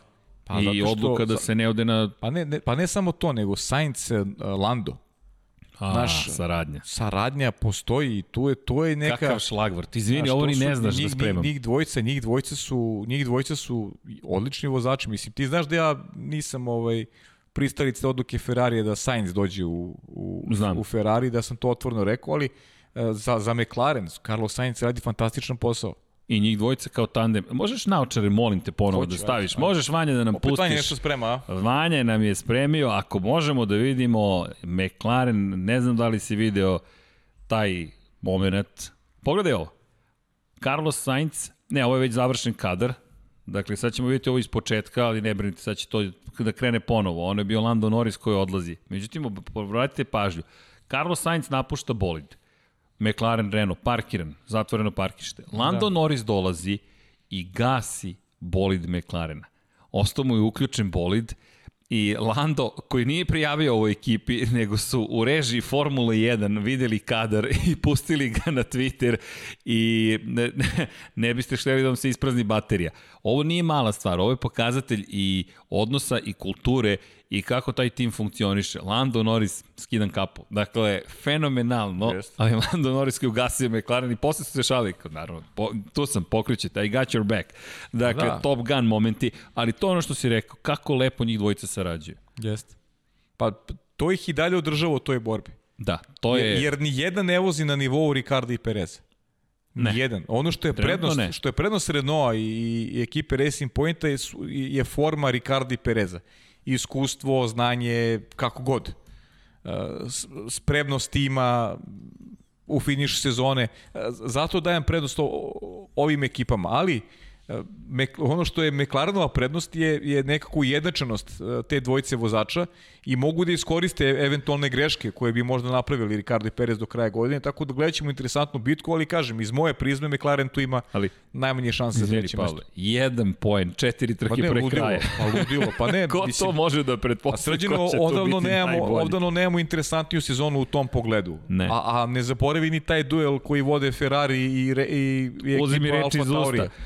Ferrari Koliko koji je 14 pojena razlike, je tako? Izgubio je dva poena. Dakle, e, dakle Ferrari, evo izbacio je Vanja. Hvala Vanja, vidi ga Vanja kako je vredan. Pa ne, dakle, Vanja. 64. Pogledaj titule konstruktora. Sedme, šeste... Don Pavlo Miljenik šta radi? Da, evo, evo, ih, evo ih titule konstruktora. Dakle, da. zaboravio sam još tri u kojima njihovi šampioni nisu bili tu, ali jeste zato e, osvojena titula šampionata konstruktora 82. 83. 99. godine. Samo u tom periodu, 2008. poslednja ta titula šampionatu konstruktora koja je pripala Ferrariju i te godine kada je Lewis Hamilton, McLaren, Mercedesu bio šampion. Hvala Vanja. 16 titula je osvojio tim Ferrari, ali poslednju titulu pre 12 godina. I da se dotaknemo upravo od savršeno te teme.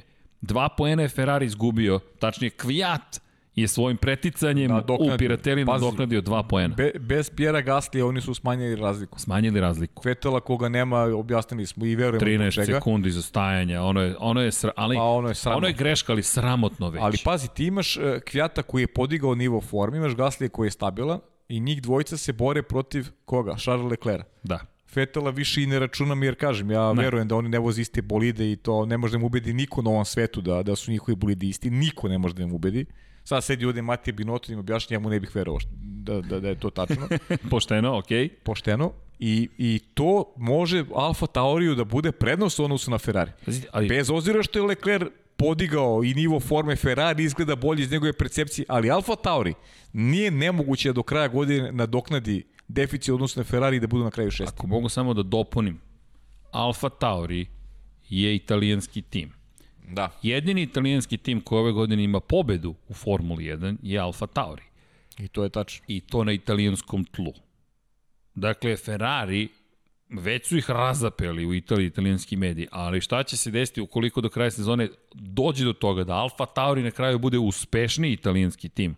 Ne bi bio u koži Mati Binotto. Zaista ne pa, bih mu bio u koži. Ali pazi, to je ono što, što smo rekli iz početka podcasta. Dakle, jasna je ta težnja italijanskih medija, kolega koji jako poštojem, koji prate pomno zbivanje tamo na licu mesta. Ja volim da, da pročitam analize pojedinih kolega koje, kažem ti šta smatraju, da jesu potrebne promene u strukturi samoj. Pa na vrhu. Znaš, od, od, da stvari od Johna Elkana, od vrha piramide pa do onog koji vari ovaj, i koji šrafove stavlja da, da ne funkcioniš u stvari. Tako da, i, i Ferrari je u tom pogledu zaista jako loš i treba im neke, neke korenite promene. A Inače, ne dešava se ništa u tom pogledu. Da, oni nastavljaju dalje da testiraju bolid. Dakle, oni su, to je najnoviji jedan od tekstova na, na f1.com, dakle, difuzore su različiti testirali u Portimao. Portimao, da. I vratili su se na Prednji standardnu difuzore. specifikaciju, da. Oni su dosta toga testirali, međutim, sada se bave bolidom za 2021. godinu. Dakle, trenutno se bave time da poređenja u treninzima i u trkama koje naprave sada primene zapravo u kontekstu razvoja bolida za narednu sezonu. Uh -huh. Dakle, vidjet ćemo da li Ferrari dovoljno dobro radi. Mercedes je počeo takođe uveliko razvoj bolida za 2021. Uopšte više neće dalje razvijati za 2020. godinu. Titulu šampionatu konstruktora osvojena, manje više ne samo što osvojene sigurno i u šampionatu vozača posle ovog peha Maxa Verstappena, koji inače sjajno preticanje imao protiv Valterija Bottasa, činjenica Bottas imao probleme s bolidom, ali opet Maxi sjajan manevar izveo. Dakle, kada govorimo o tituli u šampionatu vozača, samo Valtteri Bottas i samo Lewis Hamilton mogu dođu do titule, ali sledeća trka za dve nedelje, manje od dve nedelje, sada već za koliko, 10 pa, dana smo. dana. Da tako je. Pa da, imamo petak sad, opet vraćamo se petak. Tako, tako da smo u Istanbulu, to je Istanbulu. na, na čuvenoj stazi Istanbul Park i neće biti publike, dakle, nažalost, situacija se pogoršala epidemiološki. Kada govorimo, međutim, o Istanbulu, govorimo o tome da tamo Lewis Hamilton može da završi posao i da bude proglašen šampionom sveta po sedmi put u karijeri. Pa dakle, dobro, da. Sve je završeno manje više. A manje više završeno i završeno davno, tako da... Ali znaš gde nije završeno? Je, šta će mi kažeš? U Naskaru. Naskar. Znao sam da ćemo da, da, reci. Da, radio sam juče, gledao sam trku, moram ti priznati, i imao sam prilike da radim i taj pregled. A pričao sam ti pre početka emisije ovaj, šta je moj utisak. Prvo, naravno, Kevin Harvick najbolja godina u, u njegovoj karijeri. Čak i bolje od one 2014. kada je bio šampion. Devet pobjeda je Kevin Harvick imao ove godine. Eto šta je, koliko je zanimljivo to takmičenje. Voziš tri loše trke i ti si eliminisan. Kevin Harvick, Kevin Harvick je za jedan poen, imao jedan poen za ostatka u odnosu na posljednji krug, imao je kontakt sa Kajlom Bušom i da je prestigao Kajla Buša ispao bi čini mi se Brett Keslovski. Da. Jer ima najmanje pobjeda u konkurenciji Hamlina i, i Kevina Harvika. Samo da je prestigao uh, Kajla Buša Kevin u tom posljednjem krugu, ali tek u posljednjoj krivini u stvari ga je sustigao. Da, Don Pablo navija za, da, za Da, Harvika da. i baš je pričao o tome, 50 metara pred cilja Harvik se okreće i to je to. Ali znaš kako, udario ga je, udario ga je, a bio je, do, bio je daleko, nije bio blizu, znaš. E, Realno to je bio potez očenika, zaista nije bio blizu Kevin Harvick, da budem iskren. E, Činjenica. čini, e, nedostajalo mu je par krugova, on je sustigao e, pet krugova pre kraja je bio na nekih 200 metara, možda malo više u odnosu na Kajla Buša, uspio da ga sustigne, ali tek u posljednjem krugu. Falilo mu još jedan krug, dva, uspio da izvede taj manevar. Ali znaš šta je moj utisak? Ono što sam ti pričao pre početka emisije. E, to je Joe Gibbs Racing kao organizacija koja od dana kada smo ti ja početi da komentarišemo NASCAR, nam je delovao kao jedna idilična porodična ekipa. Ti vrlo dobro znaš i sporta koji ti pratiš ko je Joe Gibbs, kako postavlja stvari, još ono vreme Karla Edwardsa i ekipe, oni su uvek imali veliki broj vozača yes. u velikom finalu, što je e, posledica tog timskog rada. Meni je Texas najjači utisak. Nedelju dana ranije, gde Kyle Busch vodi u trci, nema ni jednu pobedu, nije u konkurenciji s obda od odbrani titulu, ima Martina Truexa iza sebe, Martin Truex koji pokušava da ga prestigne, ne uspeva, i Kyle Busch koji slavi pobedu kao da mu je prvo u karijeri, a Martin Truex koji je mogao sa tim triumfom da uđe u veliko finale. Dakle, prvi put sam video da ne sarađuje ekipa Joe Gibbs Racing. Ubeđen sam da je bila obrnuta situacija, da je Martin Truex vodio u toj trci, a da mu nije trebala pobeda za playoff, da je trebala Kyle Bushu, da bi došlo do nekih naredbi, da bi Kyle Busch tu trku pobedio, da mu je trebala za plasmu veliko finale. I to je nešto što je moj utisak, jer više nemam uh, da kažem, ne razmišlja više na taj način da, da, da vlada takvo jedinstvo unutar ekipe Joe Gibbsa kao što je to bio slučaj ranije. U krajnjem slučaju, nikad nisam imali toliko malo pobjeda u jednoj sezoni kao ove godine. U krajnjem slučaju, prvi put od kako mi pratim imaju samo jednog vozača u velikom finalu, a to je Denny Hamlin koji nikad nije osvojio šampionsku titulu i promenila se struktura. Prvi put Penske ima dva vozača u velikom finalu. To sam da ti kažem, Joey Logano i. Prvi put u ovih šest godina, Joey Logano i Brett Kislovski i prvi put imamo jedno novo ime, Chase, Chase Elliot, koji zaista vozi fantastično i čak pobedio čitam, na ovoj trci. Pobedio na ovoj trci i neko ko ima šanse da osvoji šampionsku titulu bez ikakvih problema. Ali par stvari. Rekao ti da će Brett Kislovski da osvoji titulu. Da. Rekao ti pre dve, tri nedelje još. Bret Kislovski, veruj mi, Bret Kislovski osvaja titulu. Dakle, to je nekako, to je viđeno. Znam da navijaću za Joey Logana zbog tebe. Pa mislim opušteno, Iskreno, to je naš, mislim to je navijamo, naša, to ono, na, osnovno rečeno, više, više se šalimo. naša ša, pošalica, bukvalno, da. Ali simpatišemo, da, da kažemo, Joey Logana i Martina Truex, ali pa, sve ih isk, Iskreno ti kažem, znaš šta jeste prednost uh, Penske u ekipe? Prvo imaju dvojicu vozača u finalu. Treći, imaju Ryana Blaney koji vozi fantastično. Ryan Blaney koji mogu, možda im bude jaka podrška u toj finalnoj trci. Ryan Blaney, od kako ispo iz play on je konstantno među pet najboljih u svakoj trci. Sjajni.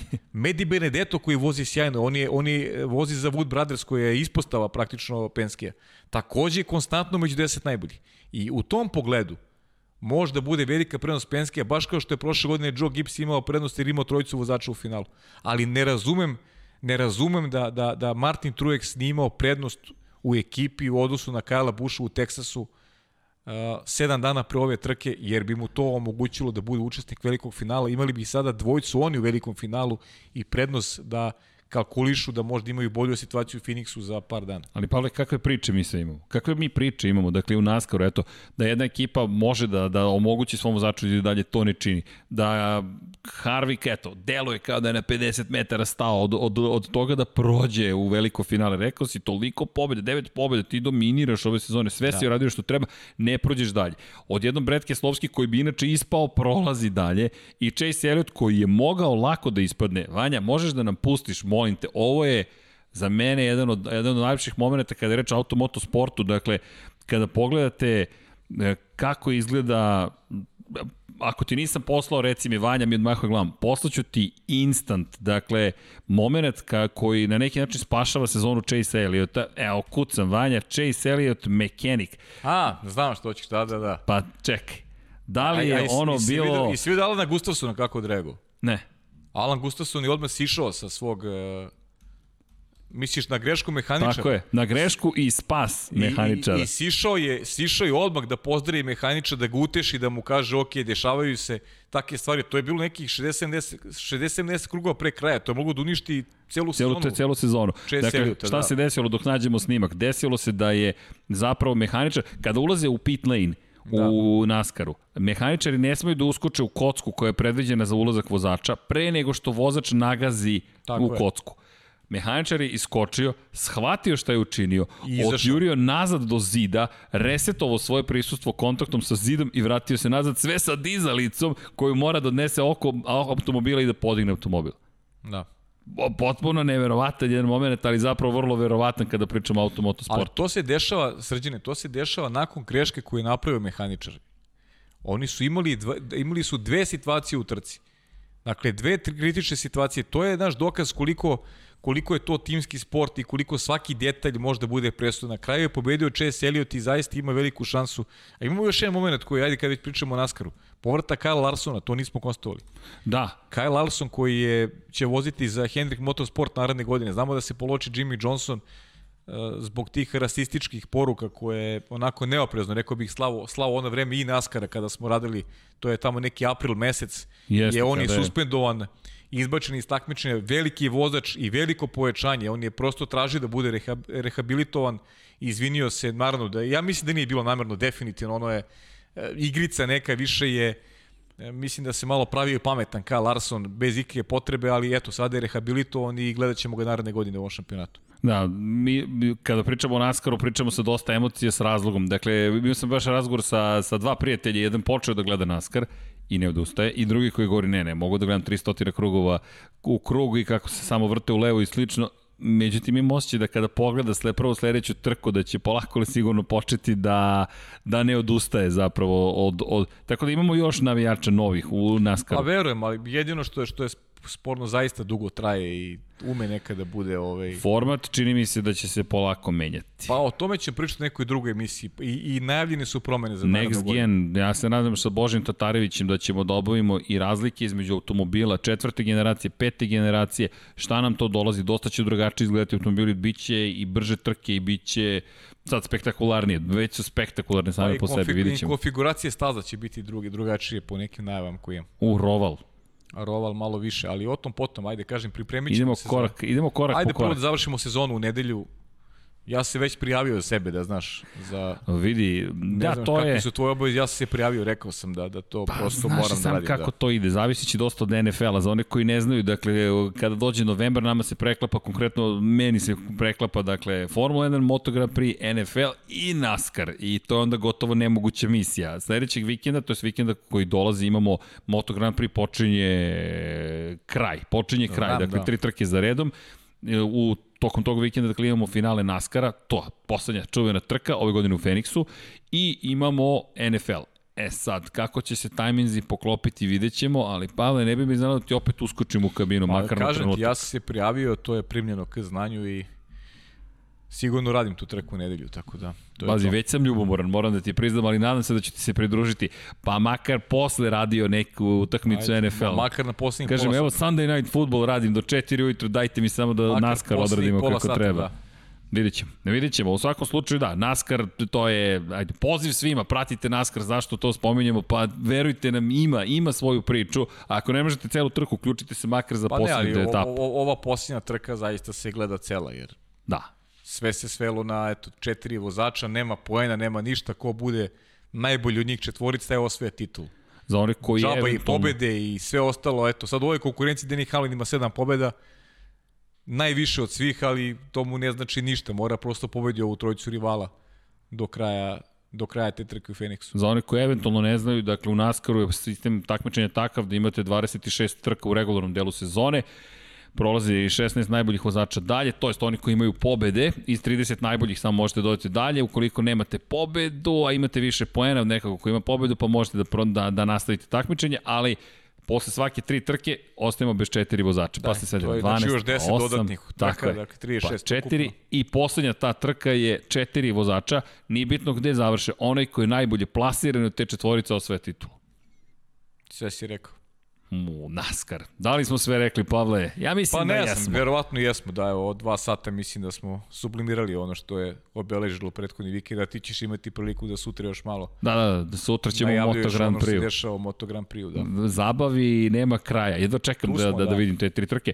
Pavle, još jednom kreće Movember, za one koji eventualno ne znaju, podsjetit ćemo još jednom, puštamo brkove ili pokušavamo Pa. da ih pustimo. Ali eto, poziv svima da vode računa o, o sebi, uglavnom i muška publika, devojke vodite računa o svojim momcima ili braći, očevima, sinovima, kako god.